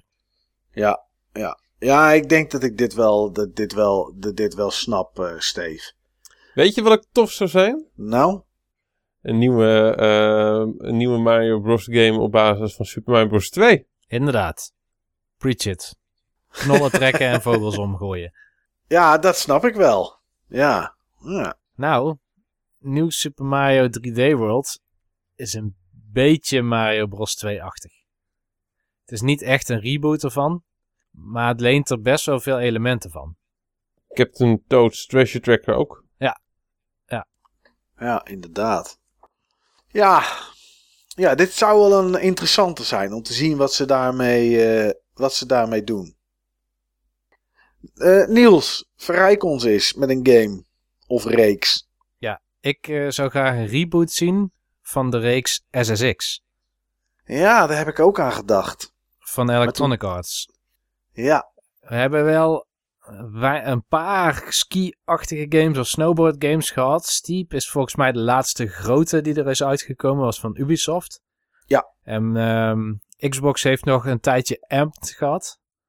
Oh ja, inderdaad. Ja. En Nintendo had 1080. Nou ja, daar zou ook eventueel een reboot van kunnen komen. Maar ik vind SSX eigenlijk de leukste serie van die allemaal. SSX had namelijk een grote nadruk op, ehm, op trucjes. Trucjes Ja. en snelheid. Vooral die op de, op de PS2. Die was toen van het, eh, ja, die was toen van EA Big. Ja. Dat was zo'n sublabel en daar ging het allemaal om ja, grote, bijzondere stunts en dat soort dingen allemaal. Dat klopt inderdaad, ja. Ja, en dit soort spellen, dat wordt nu niet heel veel meer gemaakt. Je hebt ook geen Tony Hawk of zo meer. En eh, je had ooit tientallen BMX en inline skating-achtige games en zo, die allemaal een beetje diezelfde feel en momentum en trucjes eh, gameplay moesten nabootsen. Ja. Eh, maar SSX Tricky was wel echt een game met een hele eigen identiteit. Gewoon. Het, het probeerde niet realistisch te zijn. Het probeerde juist heel absurdistisch te zijn. En ik denk dat dat nu wel weer kan. Eh, vooral nu we hele grote werelden kunnen laten renderen op consoles en PC. Maar zou je dat dan ook willen? Want als je kijkt naar Steep, zeg maar, dat heb ik wel, wel wat gespeeld. Ja. Daar vond ik vooral, eh, ja, weet je, zoveel bergen. En hier zat iets en daar zat iets. Wat ik van SSX altijd tof vond. En ook Cool Borders. ehm, was dat je natuurlijk, ja, je koos gewoon een soort van baan waar je naar beneden ging. En dat was het. Zou je dan nu een SSX willen, eh, of een SSX Tricky, in een soort van open wereld iets waar je races kan doen en anders gewoon lekker kan klooien met stunts en dat soort dingen? Nou, niet helemaal open. Net als dat een echte skipiste is ook nooit helemaal open. Dus het, Nee. altijd word je gefunneld in pistes. Maar je hebt wel de optie om via de zwarte of de blauwe of de rode te gaan. Ik noem maar wat. Zoiets Ja, zou ik dan in SSX Tricky willen zien.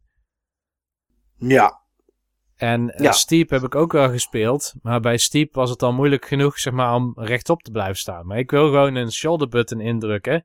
En me niet zorgen te hoeven maken of dat mijn karakter wel rechtop blijft staan. Of Nee. gebukt gaat staan. Ehm, ik wil meer nadruk op die trucs die dan uitgevoerd worden. Die je dan weer een extra boost geven wanneer je landt. ja, ja, ja, snap ik. Nou ja, iets wat ik heb staan wat daar misschien een beetje tegen aanleunt.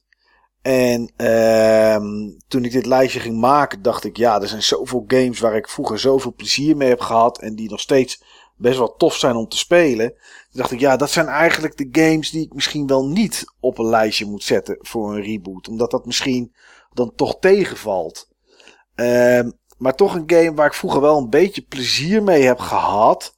En die ik eigenlijk wel opnieuw zou, eh, een reboot van zou willen zien, is Paperboy. Omdat ik gewoon benieuwd ben wat ze daar nu mee zouden kunnen doen. Eh, stunts zoals Tony Hawk of Skate had ik, had ik neergezet, zeg maar, die je kan doen.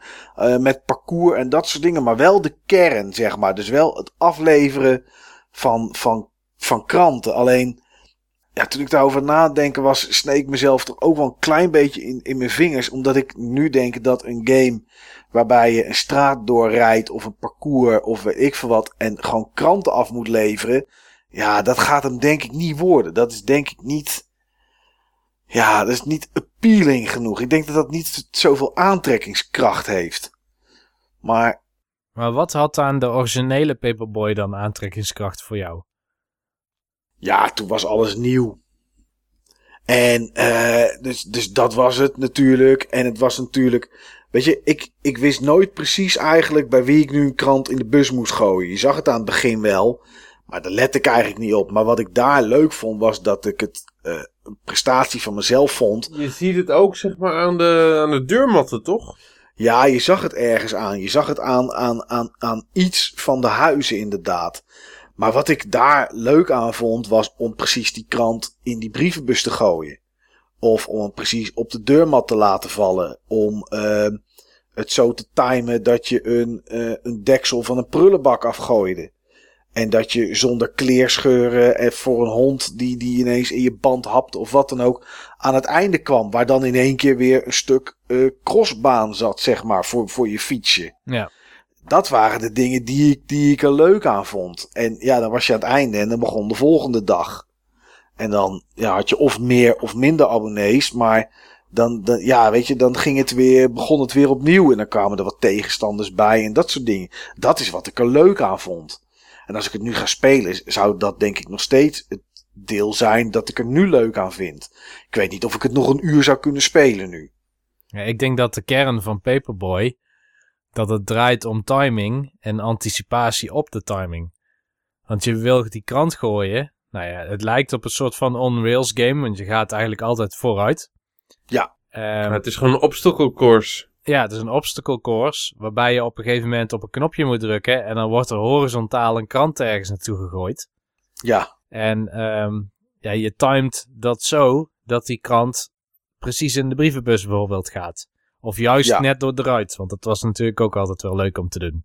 Ja, dat was het ook. En dan kwam er of, er, of tegen iemand aan en dan kwam die achter je aanrennen. Ja, dat was toch, ja, ik weet niet. Dat was toch iets wat ik er wel leuk aan vond. Dus ik zou heel benieuwd zijn, omdat dit zo oud en zo basic en zo basis was. Zou ik toch wel benieuwd zijn wat men daar nu mee kan. Ja, ik denk dat je die kern dan wel overeind moet laten. Maar misschien kun je dan nu iets doen met rivaliteiten binnen, binnen wijken. Ja, ja, ja. Dat je een soort eh jet set radio eh, krijgt, maar dan met krantenwijken. Ja, en, en misschien dat je ook andere couriers ziet fietsen en dat je er ook een krant tegen zijn hoofd aan kan gooien. Misschien zelfs kranten kan stelen of zo, zodat je meer kan bezorgen. Een soort Battle Royale eh, paperboy. Ja, Een hele grote wijk. echt tijd voor een Battle Royale Paperboy. Ze worden hier wel bedacht hoor. Ja. Nou ja, goed, dan zal ik er nog eentje gelijk opgooien. Eh, en waarvan ik echt geen flauw idee heb wat, wat iemand ermee moet. Maar ik zou het toch ook wel grappig vinden om in dit, eh, deze, dit tijdsbeeld een beetje te blijven. Als er gewoon van Donkey Kong een, een reboot zou kunnen. Ik bedoel, eh, Grappig joh, grappig. Ik, eh, ik wou juist het bruggetje maken. Jij noemt een classic arcade game, eh, Mike. ja. Ik heb ook nog een classic arcade game op mijn lijstje, namelijk Classic Donkey Kong. Ja, oh, leuk man. Ja, dat is, dat is ook zo'n titel. Ik bedoel, vroeger was dat... wie, wie van ons belt Billy Mitchell? Ik niet. nee, maar dat zou, weet je, dat was natuurlijk... Vroeger was het natuurlijk Mario die tegen de aap aan het strijden was. Inmiddels is de aap zelf aan het strijden tegen, tegen booswichten. Ja, is niet dezelfde aap, hè? Nee, maar het is wel een aap. En die andere aap Ja. hebben we nooit meer gezien. Ehm, ja, Wel, dus, dus Cranky Kong.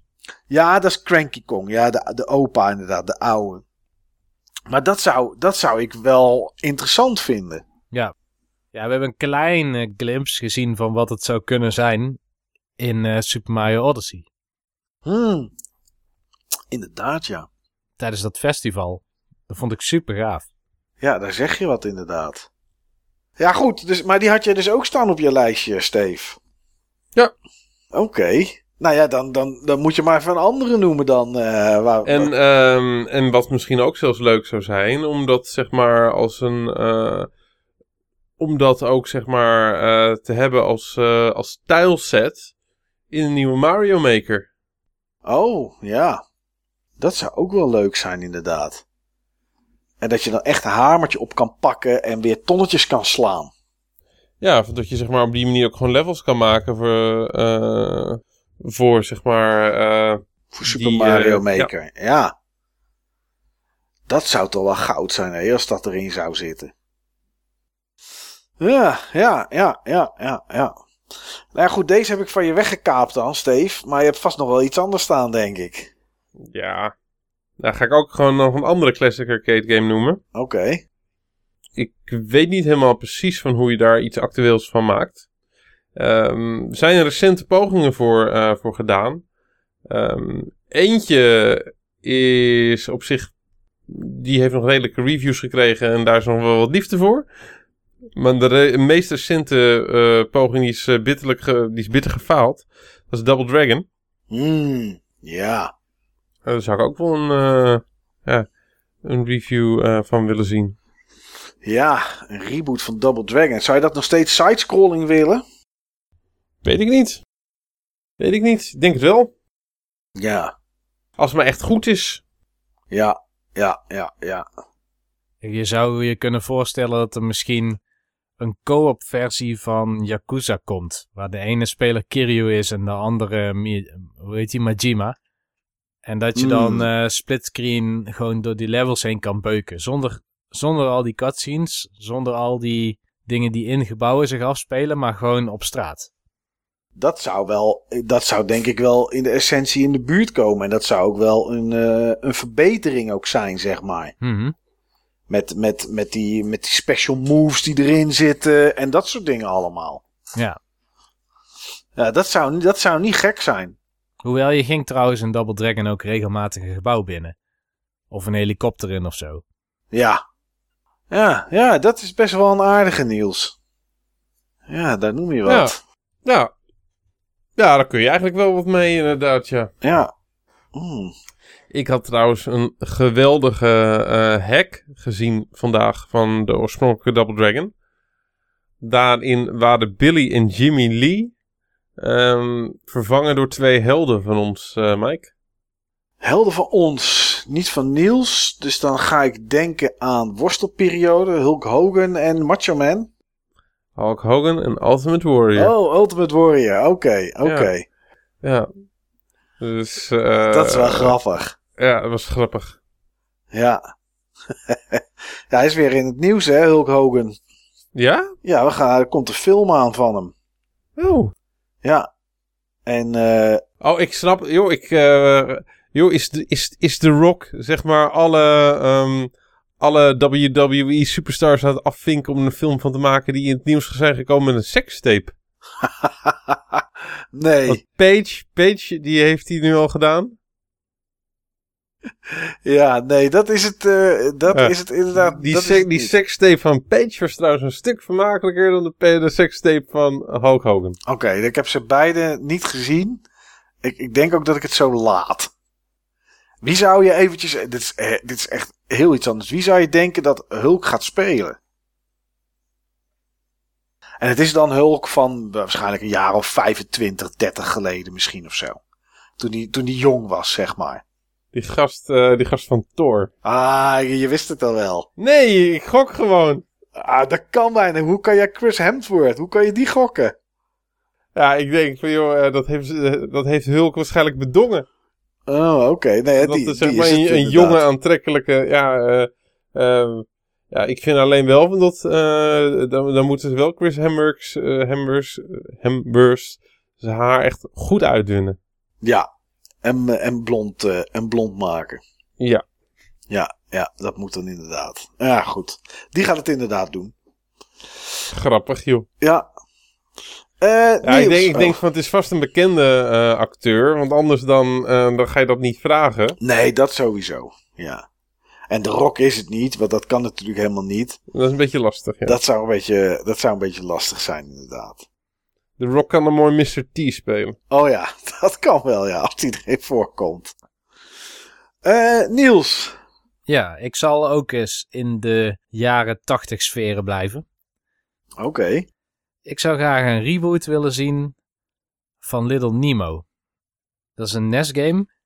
En misschien heb ik iets meer gevoel bij die NES-game dan veel andere mensen. Ik, eh, Little Nemo was in mijn jeugd een, een tekenfilm die uitkwam. Volgens mij is er ooit op Telekids een trailer van geweest. En toen ik dat zag, toen wilde ik meteen alles van die film weten. Eh, Ja. De trailer was eh, een scène... Little Nemo, de Dream Master, hè? Ja, ja. De tekenfilm, die trailer, dat was eh, een scène waarin zo'n bed uit het raam eh, ging vliegen. Met eh, daarop eh, Nemo. En dat zag er heel erg tof uit. En toen bleken twee nichtjes van mij die game op de NES te hebben. De game die over die film ging. Dat was nog voordat ik de film had gezien, maar de trailer die had ik in het hoofd. En dat, die is eigenlijk nooit weggegaan. eh. Maar mijn nichtjes hadden dus die game. Maar om wat voor reden dan ook, mocht ik die game niet spelen. Want het Oh. was ook eigenlijk niet echt hun game, geloof ik. Maar die hadden ze ook weer geleend van iemand. En ehm, eh, ze waren bang dat als ik het zou spelen, dat ik het spel dan zou willen lenen voor een langere tijd. En dan zou ze het weer niet op tijd kunnen teruggeven. Dus ik heb het één keer opgestart zien worden. Ja. En ik dacht, oké, dit is mijn game. Moet ik hebben. Nou, fast forward naar een jaar of zes geleden. Iets voor de podcast. Toen ging ik games kopen op beurzen. Toen ging ik voor het eerst naar zo'n beurs eh, dat toen nog in de stulp was. Stolp? Stolp. De Stolp. Dus dan Juist. ging je naar Apeldoorn. En eh, daar heb ik toen die game gekocht. En die heb ik toen ook vrij snel daarna uitgespeeld. Ik vind het op zich al een hele Best een moeilijk game. spel, hè? Best een moeilijk spel. Er zitten moeilijke stukken in. Er zitten moeilijke ja. stukken in. Vooral, ik kan me herinneren dat er een stuk is op een speelgoedtrein of zo. Eh, dus dat is een soort, nou sowieso speelt het als een soort casual Mega Man game. In sommige gevallen. De Memo springt ongeveer zo. Hij heeft een soort projectiel, dat is een snoepje. Eh, maar je hebt een, een, soort autoscrolling level. En daar komen ook zwevende vijanden voorbij. En je moet daar gewoon heel snel reageren. Dus dat vond ik een lastig level. Nou, vind ik de game aan zich heel erg leuk. Ehm, het zijn vrij grote levels. En het zijn niet lineaire loop maar van links naar rechts levels. Maar het zijn soms levels waar je misschien ergens eh, onder de grond door moet. Of juist door de lucht heen. Want je kan veranderen in dieren. Eh dat komt niet uit de tekenfilm. Ik begrijp totaal niet waar ze het vandaan hebben. Maar je gooit een paar snoepjes tegen een kikker aan en je wordt een kikker. Eh, Oh. en, en je kan ook volgens mij een bij worden of zoiets. In dromen kan alles, Niels. Ja, maar niet in die tekenfilm. die tekenfilm ken ik ook heel erg goed. En bovendien is die Nemo, eh, de tekenfilm, is ook een soort referentie geweest voor een game waar ik aan heb gewerkt in 2009. Het was een Wii-game, dat heette toen ook Dream, als soort projecttitel. Eh, maar dat was ook met een, eh, met een bed wat kon vliegen. Bedknobs and Broomsticks is ook trouwens een film met een bed wat kan vliegen. Dus het is niet super origineel of zo om dat te doen. Maar wat ik zou willen is een, een game, een Little Nemo the Dream Master game, die dichter bij de essentie van de film blijft. Dus dat je die film kan herbeleven. eh, waarin je niet kan veranderen in dieren. Dat is niet eens nodig, want er is heel veel materiaal in de film. En er is ook, het is dat, dat is dan weer gebaseerd op een manga volgens mij. Dat je st- het heet, dat heet gewoon een strip. een strip. Maar, maar het is oorspronkelijk een strip eh, van begin vorige eeuw. Van begin, nou kun je nagaan. Ja. Bestaat al Ja. heel lang. Je kan, oké, Amerikaanse strip. ehm, Little Nemo in Slumberland. Heel, sur heel surrealistisch trouwens. precies. En dat spreekt me ook zo aan. En die game is op de NES is ook wel tamelijk surrealistisch. Ehm, je hebt ook hele rare kleuren. Bijvoorbeeld, je hebt een zwarte achtergrond, maar dan super bont gekleurde paddenstoelen of zo in het eerste level. Ik heb me altijd afgevraagd: is het nou nacht of, eh, of waarom is die achtergrond dan zwart? Want kennelijk is er zoveel licht dat je die paddenstoelen zo helder ziet. Maar goed, ik wil een nieuwe. Oké, ja, dat klinkt goed. Ja, waarin je wel een keer op een bed eh, vliegt. Ja, Dat gebeurt volgens mij niet in de game. Eh, gewoon, en, een, gewoon een autoscroll level met een bed. en waarin je van die trollachtige wezentjes tegenkomt en dan moet roeien in een soort eh, zwarte zee. Dat moet er sowieso in. Die film van jou heet trouwens Adventures in Slumberland. Oké, heet die zo. Ik dacht Ja, alleen... Little Nemo, eh, Adventures in Slumberland. Nou, nice. Ik denk niet dat het ooit gaat gebeuren. Maar eh, je weet het nooit natuurlijk, Niels. nee. En dat is hetzelfde bij... eh, ja, waar ik eigenlijk wel een, eh, een, een, een, een reboot van zou willen zien. En ik denk dat het verschrikkelijk slecht wordt. En ik denk ook helemaal niet leuk om te spelen. Maar toch zou ik het willen. En dat zijn eh, games van Don Bluth. En dan niet de, de versie die bijvoorbeeld op de NES was er volgens mij een, een versie van Dragon's Lair.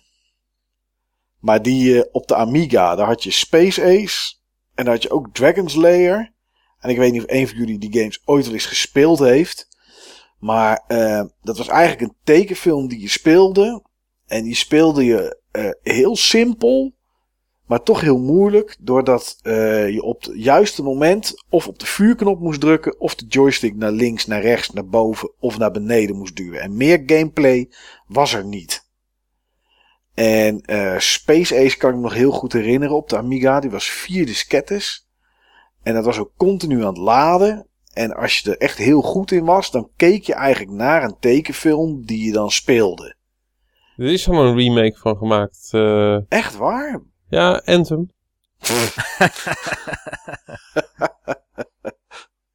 Oké. Nee, ehm, de- deze gameplay. ehm, deze gameplay ehm, is recent nog een. Er zijn recent nog spellen van, van eh, verschenen. Ik wist dat ook niet. Echt met, met zeg maar dit type gameplay en dit type game. Oké. En weet je ook welke dat waren? Of welke dat zijn? Ja, ik heb, ik heb het, eh, ik heb het eh, laatst nog gezien op, eh, op, op YouTube. Ja? Maar ik ben het heel, dat ben ik helemaal kwijt. Oké, nou daar ga ik dan nog eens eventjes naar, eh, naar zoeken. Ja, dat is een game die is in eerste instantie verschenen volgens mij op PC. Ja. En ehm, daar is het een beetje op geflopt. En later is het op mobile platforms uitgekomen. Oh ja, daar past het wel perfect bij. Dat je links, rechts, beneden of boven tapt. En, eh, Ja. en dat je dan die kant op gaat inderdaad. Ja. Ja, het is hele simpele gameplay. En Ook door, ook door voormalig animatoren. Of gewoon door animatoren. Net zoals die Dan Blad en zijn team. Dat waren natuurlijk zeg maar Disney eh, animatoren. Ja, Die indie waren gegaan. ja, waren gewoon mensen die tekenfilms maakten, normaal gesproken. En nu deden ze dan dit. En eh, ja, die deden dan. eh, ja, je hoeft echt alleen maar. Je kwam ergens binnen en er werd er geschoten van links. En dan moest jij of juist naar links drukken of naar rechts. En als je dat verkeerd deed, dan kreeg je daar een, eh, kreeg je daar een, een animatietje bij. Nou, en dan begon het weer van vooraf aan. En dan moest je weer. En op een gegeven moment wist je gewoon van: oké, het is links, links, dan vuurknop, rechts. Even niks doen, dan boven. Nou, en als je dat goed deed, dan kon je, ja, kon je met een redelijk eh, tempo kon je wel door die games eh, kon je heen. Maar zeker met wat ze nu kunnen aan animaties en cutscenes en eh, hoe dat eruit ziet en dat soort dingen. Ja, zou, dat, zou ik dat toch wel tof vinden om zo'n soort titel weer eens een keertje te zien. Ik denk niet dat het heel leuk is om te spelen. Maar dat geeft niet. Oké. Ja, dat geeft niet. Eh Steve, wat zou jij nog in een eh, reboot willen zien? Ik heb er eentje op het lijstje. Daarvan weet ik zeker dat die komt. Oh, Want eh, dat heb je zelf al aangegeven, Mike. Zo'n beetje zo, zo zit die hele serie een beetje in elkaar. En dat is, dat is Zelda. ja. Heb ik het niet over, ehm, over Zelda Link's Awakening. Want het is geen reboot, dat is een Mhm. remake. Mhm. Maar dan heb ik het zeg maar over een, ehm, ja, over een Zelda game. Die dan toch meer zeg maar ehm, eh, het dungeon format volgt. Ehm, en het item format. Dan, dan Breath, of, eh, Breath of the Wild. Welke is dat dan? Nou, die gaat gewoon komen. Oh, gewoon dat die überhaupt eraan gaat komen. Ja. Ja, Dat is een kwestie. Ik weet niet of het de volgende ge- eh, Zelda zal zijn hoor. Misschien dat de volgende Zelda ook weer heel erg vrij eh, zal zijn. En meer, eh, toch weer meer eh, de Breath of the Wild kant eh, op zal gaan. Maar uiteindelijk is het een kwestie van tijd. ja, ja, ja. Ja, dat, eh, dat zal zeker wel komen. Ik weet alleen niet of dat ik dat dan een reboot. Ja, oké, als je zegt van in principe is elke Zelda een reboot. Als het geen remake is, dan, eh, dan zou dit vanzelfsprekend ook een reboot zijn. Ja, da- daarom. En, eh, en ook weer heel erg anders dan. eh, op, op, op het moment dat je nu zeg maar een, een, een Twilight Princess, Ocarina of Time-achtige Zelda eh, zou lanceren. ehm, is, dat een, is dat een reboot ten opzichte van, eh, van Breath of the Wild? Want Ja. dat, dat- dat is Breath of the Wild gewoon simpelweg niet. Nee, nee, nee. Nee, en ook niet. eh, daarvoor was het Link Between Worlds, denk ik. Ja. Dat, was, dat, Ja. dat, was, dat, dat is dat ook niet als je nu een eh, Majora's Mask-achtige Zelda zou, eh, zou, zou maken, inderdaad. Ja. Niels, heb jij nog wat op je lijstje? Ik heb eigenlijk nog twee dingen die ik wil noemen Oh, voor nou, deze dat is mooi. uitzending. Ik heb er ook nog twee. Oké, nou dan kunnen we sowieso nog twee rondjes doen. ja. Dan is mijn volgende is Serious Sam. En waarom Serious Sam? Nou, Doom heeft laten zien dat je goed terug kan komen bij de essentie van een game en het toch weer fris en nieuw aan kan laten voelen. En Ja. Serious Sam is eigenlijk ook een soort van, ja, ik wil het niet helemaal met Doom vergelijken, maar Serious Sam was altijd een soort van strength in numbers first-person shooter. Dus er waren niet echt vijanden die super moeilijk te verslaan waren of heel erg slim waren. Het waren gewoon heel veel vijanden. Ja, En je had daar ook heel veel snelheid. En Zeker. ik weet wel dat ze het steeds proberen om Serious Sam terug te laten komen. Volgens mij zijn er al misschien wel vier games van of zo. Nou, de vierde die eh, was volgens mij, zagen we twee jaar geleden dat die eh, in aantocht was. Maar daar hebben we daar ook niks meer van gezien. Nee. Maar ik denk als je teruggaat naar wat maakt de Serious Sam 1 zo bijzonder in die tijd, dan was dat dat je midden in de actie kon, eh, kon zitten, ehm, hoog kon springen, dus je kon vaak boven de vijanden uitspringen. En het waren altijd ontzettend veel vijanden. Ja, En de nieuwe Doom die kan zoiets ook wel eens ooit eh, laten voorkomen, maar de nieuwe Doom is vaak in hele kleine gebieden. Het is nog steeds een soort van corridor game. Je hebt soms wel wat open gebieden als je buiten een space station rondloopt. In wat open plekken of zo. Maar Ja. je zit ook wel voor het grootste deel in een soort gangenstelsel. En Ja. Serious Sam is juist altijd enorm open. Heel brede eh, levels. Ja. En dat zou ik terug willen zien komen. Dat enorm open gebied met enorm veel vijanden die allemaal heel dom zijn. Maar waar je wel Mm. op een hele lekkere manier doorheen kan schieten, zeg maar. ja. Waar je het van verliest, kan van, kan van verliezen omdat het er zoveel zijn. Ja. Ja. Ja, dat zou wel grappig zijn. Ik weet niet of ik het onwijs zou spelen. Maar even een keer een avondje in co-op zou dat wel leuk zijn. Ehm ja, ik heb er eh, nog twee. En eentje daarvan eh, was de eerste game die in mij opkwam toen ik eh, hieraan dacht. En eh, de reden is omdat ik die games altijd met veel plezier heb gespeeld. Maar toen ging ik eigenlijk vandaag die gameplay nog eens even terugkijken. En toen dacht ik, ja, is leuk om hier een reboot van te doen. Maar er zijn echt inmiddels duizenden games die dit doen. Maar toch heb ik hem op mijn lijstje en dat is Siphon Filter. Dat zijn eh, eigenlijk gewoon hele standaard cover-based shooters. Alleen ten tijde van de PlayStation 1 vond ik dat wel heel erg tof. Ja, ik weet wel wat je Eh, bedoelt, ja. Ja, het was gewoon een legermannetje en, eh, en eh, met, met zijn met vest. En het was tegen andere legerfiguurtjes. En die stonden soms op een dak en dan schoot je ze en dan vliegden ze naar beneden. Op een gegeven moment kreeg je een soort van, ja, een soort van haak, grapplinghoekachtig ding. Waarmee je dan jezelf ook voort kon bewegen. Het zou kunnen zijn dat dat in twee was, dat dat niet in één was. En de eerste drie delen vond ik echt heel tof. En daarna op de PS2 en op de PSP zakte dat toch wel een beetje weg. En uh, volgens mij was het PSP het laatste deel. Uh, maar dit zou voor mij, als ze het gewoon weer een beetje goed maken, met misschien één of twee leuke, toffe gameplay elementen erin, zou dit voor mij wel een reeks zijn die, uh, die terug mag komen. En waar ik zeg, ik weet niet of het goed wordt.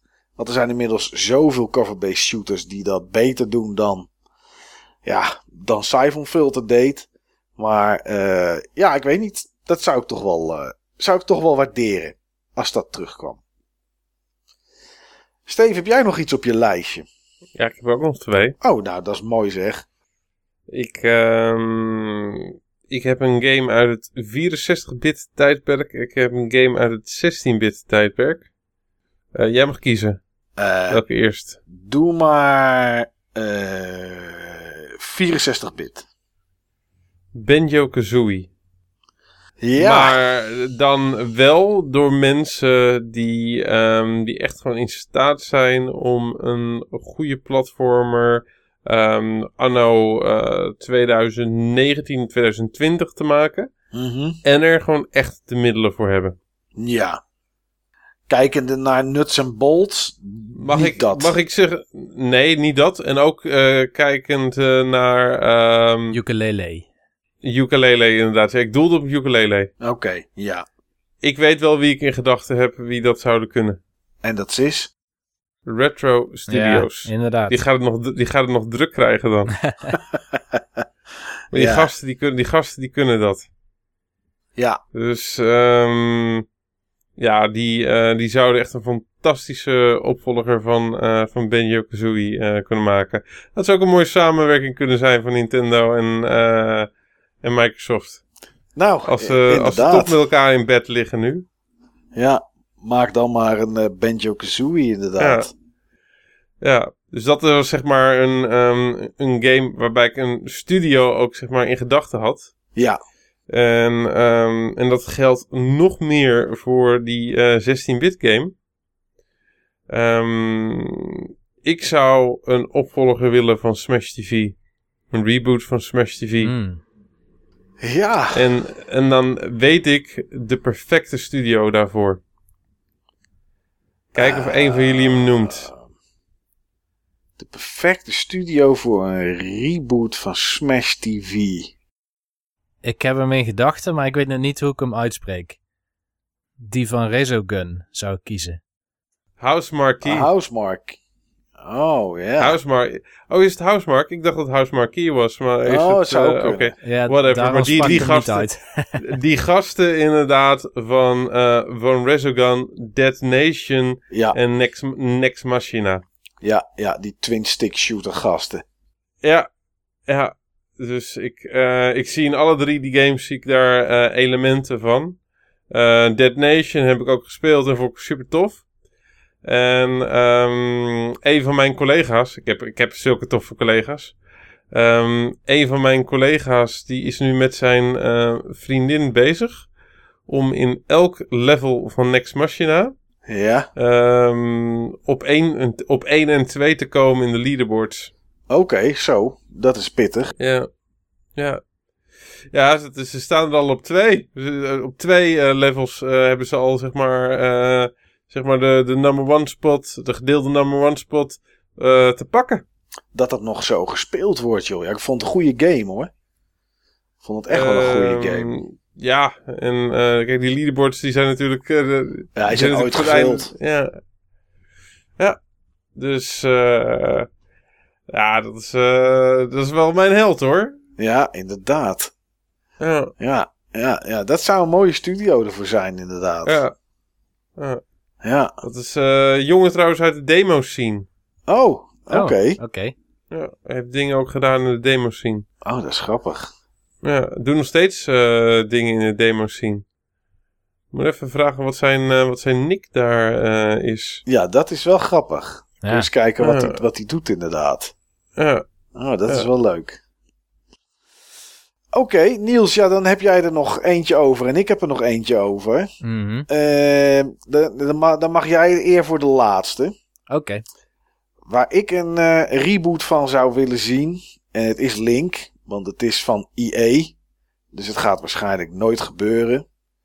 Is, eh, ja, Command Conquer zou ik wel heel graag willen. Ja. Ik zou wel heel graag die sfeer van twee redelijk normale legers met hippe, hippe wapens. En die tegen elkaar aan het knokken zijn. Die sfeer zou ik wel heel graag terug willen. dan eh, heb ik een belangrijke vraag voor jou, eh, Mike. Maar ja, Heb jij een mobiele telefoon? ja, en die heb ik gespeeld, maar dat is niet mijn ding. dat, is, dat is toch niet echt Command Conquer, hè? Nee, nee, Eh, nee, nee, nee. nee, dat is het niet. Nee, maar dat, dat vond ik zo'n toffe reeks. Command Conquer, Red Alert en, en, en ja... Als zoiets gewoon... Weet je, ik vind StarCraft ook tof. Maar ik heb toch liever gewoon... Ja, die, die, die legeraansturing, zeg maar. Die menselijke legers. Dat vind ik toch tof. Ja. En dat, eh, ja, dat zou ik wel heel gaaf vinden als daar nog eens een keer. Weet je, gewoon zoals de eerste was, of Red Alert, of misschien Tiberian Sun. Gewoon zoiets, maar gewoon met, met, nieuwe, met, nieuwe, met nieuwe units. En, eh, en dan zou ik het eigenlijk al prima vinden. Gewoon de graphics van nu, nieuwe units. En eh, ja, dat zou toch gaaf zijn, man. Als je eh, nachtenlang gewoon eh, een keer een weekend ooit gedaan met, met twee kennissen in, in, in de huiskamer. En gewoon met z'n vieren. En dan op vrijdagavond beginnen. En dan gewoon zaterdagochtend rond een uur of zes dat potje op pauze zetten. Die naar huis om te slapen. En dan smiddags om twee uur door. En om acht uur s'avonds maar opgeven. Omdat het gewoon onmogelijk was om er nog bij elkaar doorheen te komen. En dan weer een nieuw potje beginnen. En maar bouwen en af en toe eens aanvallen. Ja, dat was geweldig, joh. Dat, eh, dat gevoel heb ik nooit meer terug gehad. Dus ja, een Command Conquer in de, in de reboot, dat zou ik, eh, dat zou ik echt wel, echt wel kunnen waarderen. Ik heb ook nog een geniale herinnering aan Command Conquer, maar misschien heb ik het al ooit verteld. Dat mijn eerste ontmoeting met de game was in een toernooi. Op onze middelbare school, daar hadden ze LAN-toernooitjes. Ja. En die werden georganiseerd door twee mensen die ook in zo'n ladder zaten. In zo'n, eh, zo'n, echt zo'n competitie online. Wat toen nog heel bijzonder was. Want dit is dan, wat zal het geweest zijn? 1997 of zo, denk ik. Zo rond die tijd. Ja. Eh, en ik had de demo van Command Conquer op mijn PC. Want ik had toen, eh, omdat ik op de middelbare school zat en ik was het eerste jaar door, kreeg ik een Pentium 100 of zo. Met Windows 95 denk ik erop. En toen heb ik ooit zo'n blad gekocht waar eh, een hele hoop demo's op stonden en er stond Command Conquer op. Maar dan kon je het eerste level spelen als de, even kijken, niet de NOT, maar die andere. Eh, het was GDI. toen- GDI, ik, denk ja. dat het, ik denk dat het een PC gameplay was die je gekocht hebt. Dat zou heel erg goed kunnen. Ik denk dat het dat ook zo was. En ik denk dat ik precies dezelfde had. Hmm. Nou ja, daar stond Command Conquer op. Dat was technisch gezien mijn eerste ontmoeting. Maar mijn eerste ontmoeting met echt de game was dan op die school. En ik deed mee aan dat toernooi samen met iemand met wie ik heel veel eh, Doom 2 heb gespeeld. Mhm. En die had echt nog nooit de game gespeeld verder. En we kregen de spelregels en wat het idee was en wat je kon bouwen uitgeprint op papier om voor te bereiden. En we hebben toen s'avonds een keer met z'n tweeën gekeken van nou wat, wat is deze unit?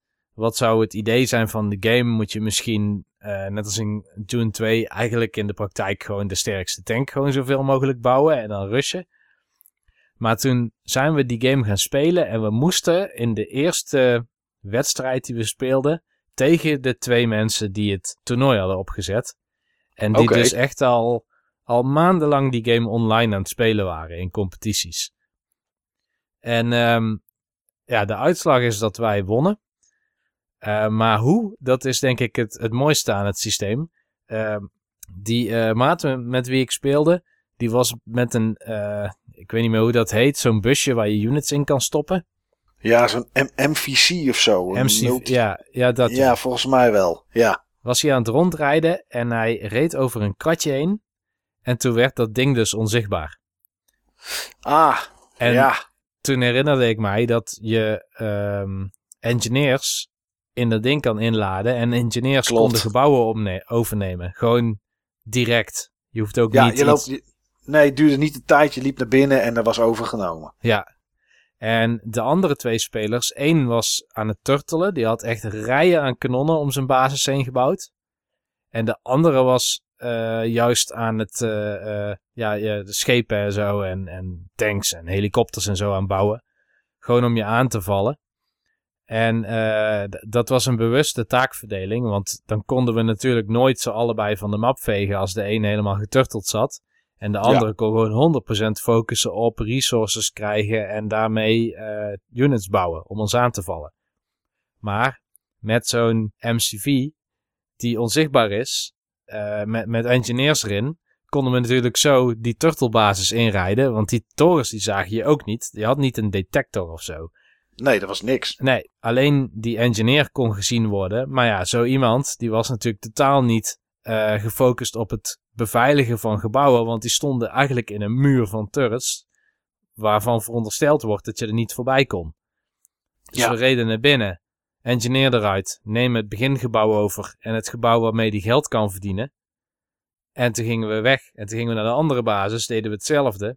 En toen was het rage quit. En het einde van het toernooi. Want ze hebben ook niet meer verder georganiseerd. Oh, echt waar. Dat was gewoon het einde van het toernooi ook. Ja, Jezus. Ja, maar dat was een mooie tactiek. Ik deed dat ook wel. Mooi man, een mooi verhaal. ja, Ja. ook omdat je gewoon niet weet hoe het spel werkt. Maar dan gewoon over zo'n totaal random ding rijdt. kratje. Helemaal voorbereid, printjes gemaakt. ah, mooi. Schitterend. Ja. Nee, dat was inderdaad heel mooi. Ik deed het ook wel eens. En dan had je op een gegeven moment eh, had je van die, eh, van die wagentjes waar je poppetjes in kon, in kon doen. En die konden dan onder de grond. En dan ergens, die konden duiken onder de grond en ergens dan weer naar boven komen. Ja. En dan, dan pakte ik, eh, had ik die ergens een stukje verder weg, had ik die klaarstaan. En dan pakte ik een paar helikopters. En dan viel ik van één kant aan. En terwijl die aan het aanvallen waren en daar dus alles op werd gericht, pakte ik een wagentje. Die liet ik aan de andere kant van het kamp omhoog gaan. Pakte ik inderdaad het basisding over en de Tiberium Refinery. En dan zette ik er of zette ik er turrets neer. Want dat kan dan, want dat is dan een gedeelte jouw basis. Dus dan Ja. kan je turrets neerzetten. Of ik verkocht ze. Want dan kon die andere ze ook niet meer terug overnemen. Ja. En eh, ja, dan heb ik wel potjes gehad waarbij diegene nog één poppetje had. Heel veel geld. Maar nog maar één poppetje en gewoon rond ging rennen om een kratje te vinden. Want heel soms zat er dan een nieuwe portable basis in. En dan kon die weer ergens anders opnieuw beginnen. En dan kon je daar weer gaan lopen zoeken en aanvallen. Ja, Ja, mooi man. Mooie, mooie game en mooie tijd was dat. Command Conquer en, eh, en alles wat, daar, eh, wat daarbij zat. ja, ik ben wel benieuwd hoe het dan gereboot zou worden in zo'n tijd als deze. Want ik zat vanochtend in de bus en toen heb ik wel zitten denken aan Command Conquer en StarCraft. En, ehm oh, heet die game ook weer? Die Age of Kings eh, expansion had. Age of Empires. En ik zou dan graag een reboot zien. Maar ik ben- ben benieuwd wat voor keuzes ze dan zouden maken. StarCraft 2 is ook in feite meer een reboot van 1. Ja, ik zou het niet weten wat ze zouden doen. Ik denk dat het allemaal te snel moet, zeg maar. Snap je dat ze het niet, eh, dat ze, dat ze shit zouden maken wat waar de gameplay heel snel van is. Maar Ja. dat weet ik niet, want de enige nieuwe game, strategische game die ik ken die uitkomt zijn Civ- Civilization en Tropico. Ja, die zijn van een hele andere orde. Ja, en die speel ik ook alle twee niet. Dus ik heb ook geen idee hoe daar de pacing is van potjes of, of wat dan ook. Ja, die van Civilization duren echt super, super lang, want dat is turn-based. Ja, ja, dat is dit niet. Dit is natuurlijk real-time strategy. Ja, dat is dingen ook niet echt. Eh, is toch minder strategy, zeg maar. Hoe heet het? Eh, Tropico. Ja. Ja. Nou ja, goed. Dit eh, zou voor mij wel een, een mooie zijn, in ieder geval. Ja, dan heb jij er nog eentje over als het goed is, Niels. Ik zou een serie gere- gereboot willen zien. Oké. En dat is Street Fighter. En de reden dat ik voor die serie kies, is omdat ik denk dat ehm, veel movesets die in Street Fighter zitten, die zijn nog afkomstig van arcade boards met sticks en knoppen. Ja, Alleen niet veel mensen die eh fighters spelen, eh, hebben per se zo'n setup die erbij past. En ik weet wel dat degene die het Ik durf te competitief... zeggen, bijzonder, bijzonder weinig, behalve de mensen die er echt serieus in zijn. Precies, behalve de mensen die er echt serieus in zijn. Maar beter zou het zijn als Street Fighter zou evolueren naar een manier van vechten die beter past bij controllers van tegenwoordig. En dus niet een arcade stick proberen te benaderen met kwartcirkels en twee knoppen tegelijk indrukken. ik heb dat sowieso altijd verschrikkelijke moves gevonden. Kwartcirkels. Op de Amiga en eh, kon ik het nog wel met een joystick. Mhm. Maar zodra het naar controllers ging, zeg maar, nee. Nee, het, ik vond het op Ja, de... heel, heel Street Fighter hangt van kwartcirkels aan elkaar. Ja, Ja, Ja, of halve cirkels. Of, eh, eh, of naar achteren. En dan naar beneden schuin voren omhoog. Of zo. Van dat soort rare Afschuwelijk. bewegingen. Ja. En dat is bijna niet te doen. En het was op de SNES nog redelijk te doen met die specifieke D-pad. Met veel oefening moet ik zeggen. Maar eh, en, bla en blaren op je vingers. Van Ja. het schuiven over die knoppen heen. Op een gegeven moment ga je misschien een beetje zweten. En dan blijf je maar halve draaien maken. Jongen, jongen, kapotte duim, alles. Ja, en wat ook niet hoeft is eh, bijvoorbeeld de, de 3DS-versie van Super Street Fighter 4. Die had alle special moves onder touchscreen prompt zitten. Dat is ook weer niet wat ik bedoel. Nee, Het- kan ik me Dat is, weer het andere, dat is weer het andere uiterste. Ja, ik ben niet tegen een soort van dexterity element. En daarmee bedoel ik dat je je vingers gebruikt en hand-oogcoördinatie en snelheid en timing. Om een bepaalde move eh, te triggeren. Het hoeft niet per se net als in Smash Bros. dat alles in principe eh, onder één knop zit. Of over onder één knop met een richting of zo. Dat hoeft niet per se. Maar het kan denk ik een stuk beter en intuïtiever op controllers van tegenwoordig. Waardoor de essentie van Street Fighter, wat gewoon is, welke slag gebruik ik? High kick, eh, medium kick, low kick. En hoe reageer ik erop als een vijand zoiets doet? Dat is eigenlijk, het is eigenlijk een soort van eh schaarsteen papier heel snel. Ja, En anticiperen wat je vijand gaat doen. En kijken of dat je de bewegingsruimte van je vijand zo goed mogelijk kan inperken door eh, het scherm zoveel mogelijk onveilig voor hem te maken. En dat kan ook zonder kwartcirkels. graag zelfs. Ja. Ja, ja, ja, ja, ja, dat ben ik wel met je eens. Misschien, dat was wel grappig geweest. Als je bijvoorbeeld eh, een Kinect-versie had, dat je Hadouken moest ro- roepen. En dat hij dan een vuurbal schiet. Ja, ja dat, wordt wel, eh, dat wordt wel rommel in je huiskamer. dat weet ik eh, van eh, Dead Rising 3. Die ik ooit speelde op de Xbox One met Kinect. En dan was er een tegenstander en dan moest je naar hem schreeuwen. En dan was hij verbaasd. En dan keek hij rond van waar het vandaan kwam. En dan kon je hem slaan. Ja, ja, ja. Dat was, was geen succes, kan ik je melden, Niels. Dus misschien moeten we dat elementje er niet in doen. Nee. Maar voor de rest eh, zou het wel grappig zijn als ze dat een keer helemaal vanaf scratch eh, opnieuw zouden doen, inderdaad. Ja. Nou, als het allemaal. Zie, ik- zie ik ze niet snel doen trouwens. Nee. Nee, dan krijgen ze de, Dit- heel de community Dit zit, tegen dit- zich. ik denk dat dit best wel juist verweven zit in de kern van die game juist. Ik- Hmm. Ik, snap je punt, Niels. Maar heel, ehm, ja, heel Street Fighter is gebouwd om dit soort moves. Ja, natuurlijk. Maar je zou wel willen dat Street Fighter weer mainstream wordt zoals hij ooit was. Ja, Ja. Ja, ja, dat is wel zo. En je ziet nu Ja. wel bijvoorbeeld met die laatste. Ik, ik zou het absoluut geen flop willen noemen. Maar ze hebben toch best wel veel versies en re-releases uit moeten brengen. Om tot een aantal te komen waar eh, zelfs een, een, een, een ARMS of zo eh, bij in de buurt kan komen.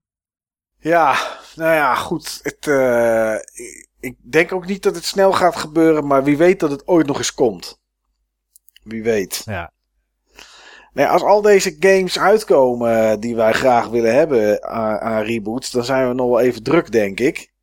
Want er zit best wel wat tussen, jongens. Eh, al zie ik onze Donkey Kong, eh Steve, zie ik niet zo snel gebeuren, moet ik heel eerlijk zeggen.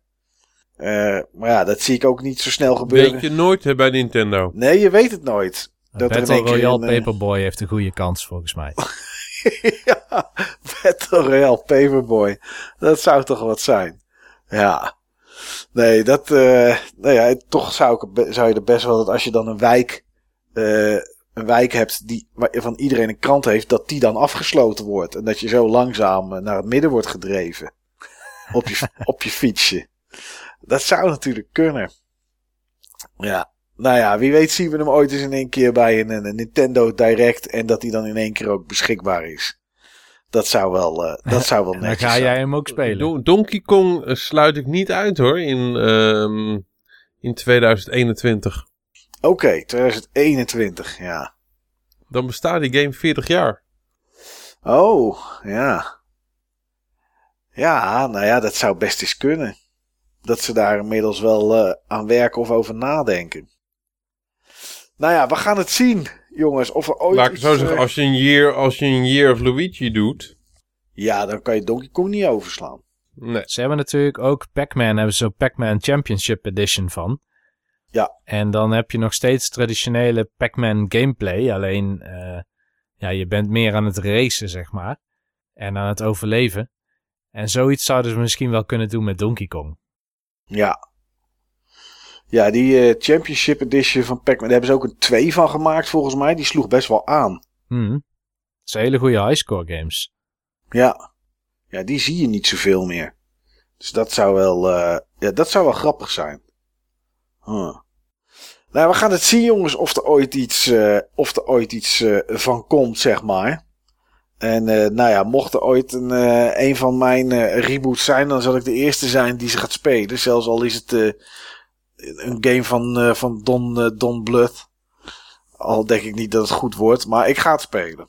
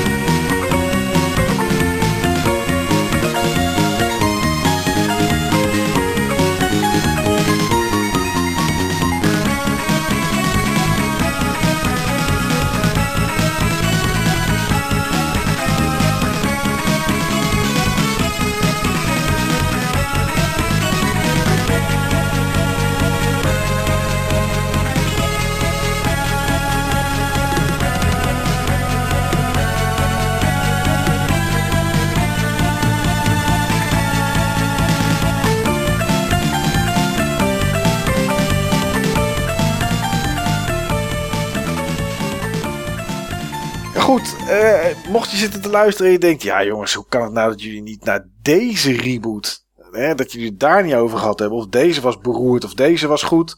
Er is een, eh, een, een topic op dit moment dat je dit hoort op het Buttonbashers forum. Dus mocht je iets, eh, mocht je iets kwijt willen, ja, dan, eh, dan zien we je daar graag. Sowieso zien we je daar graag als je nog nooit geweest bent. En kom eens kijken. Maak misschien een accountje aan of niet. Maar als je alleen al komt kijken, nou, dan ben je misschien wel geneigd om, om toch ook eventjes, eh, toch even mee te willen praten met, eh, met soort of lotgenoten. En eh, nou ja, dat kan natuurlijk allemaal op het forum www.button-bashers.nl. Nou, doe je dat niet en wil je gewoon alleen maar luisteren, even goede vrienden. En wat zo zijn wij. En nou ja, goed, dan kan ik alleen maar zeggen tot, tot een volgende keer. Tot een volgende aflevering van Button Bashers of Board Game Bashers. Zodra Steve eventjes de tijd gevonden heeft. Maar ik denk dat hij dat wel gaat doen. Ehm, of misschien een club Button Bashers. Het mag en kan allemaal. Tot de volgende keer.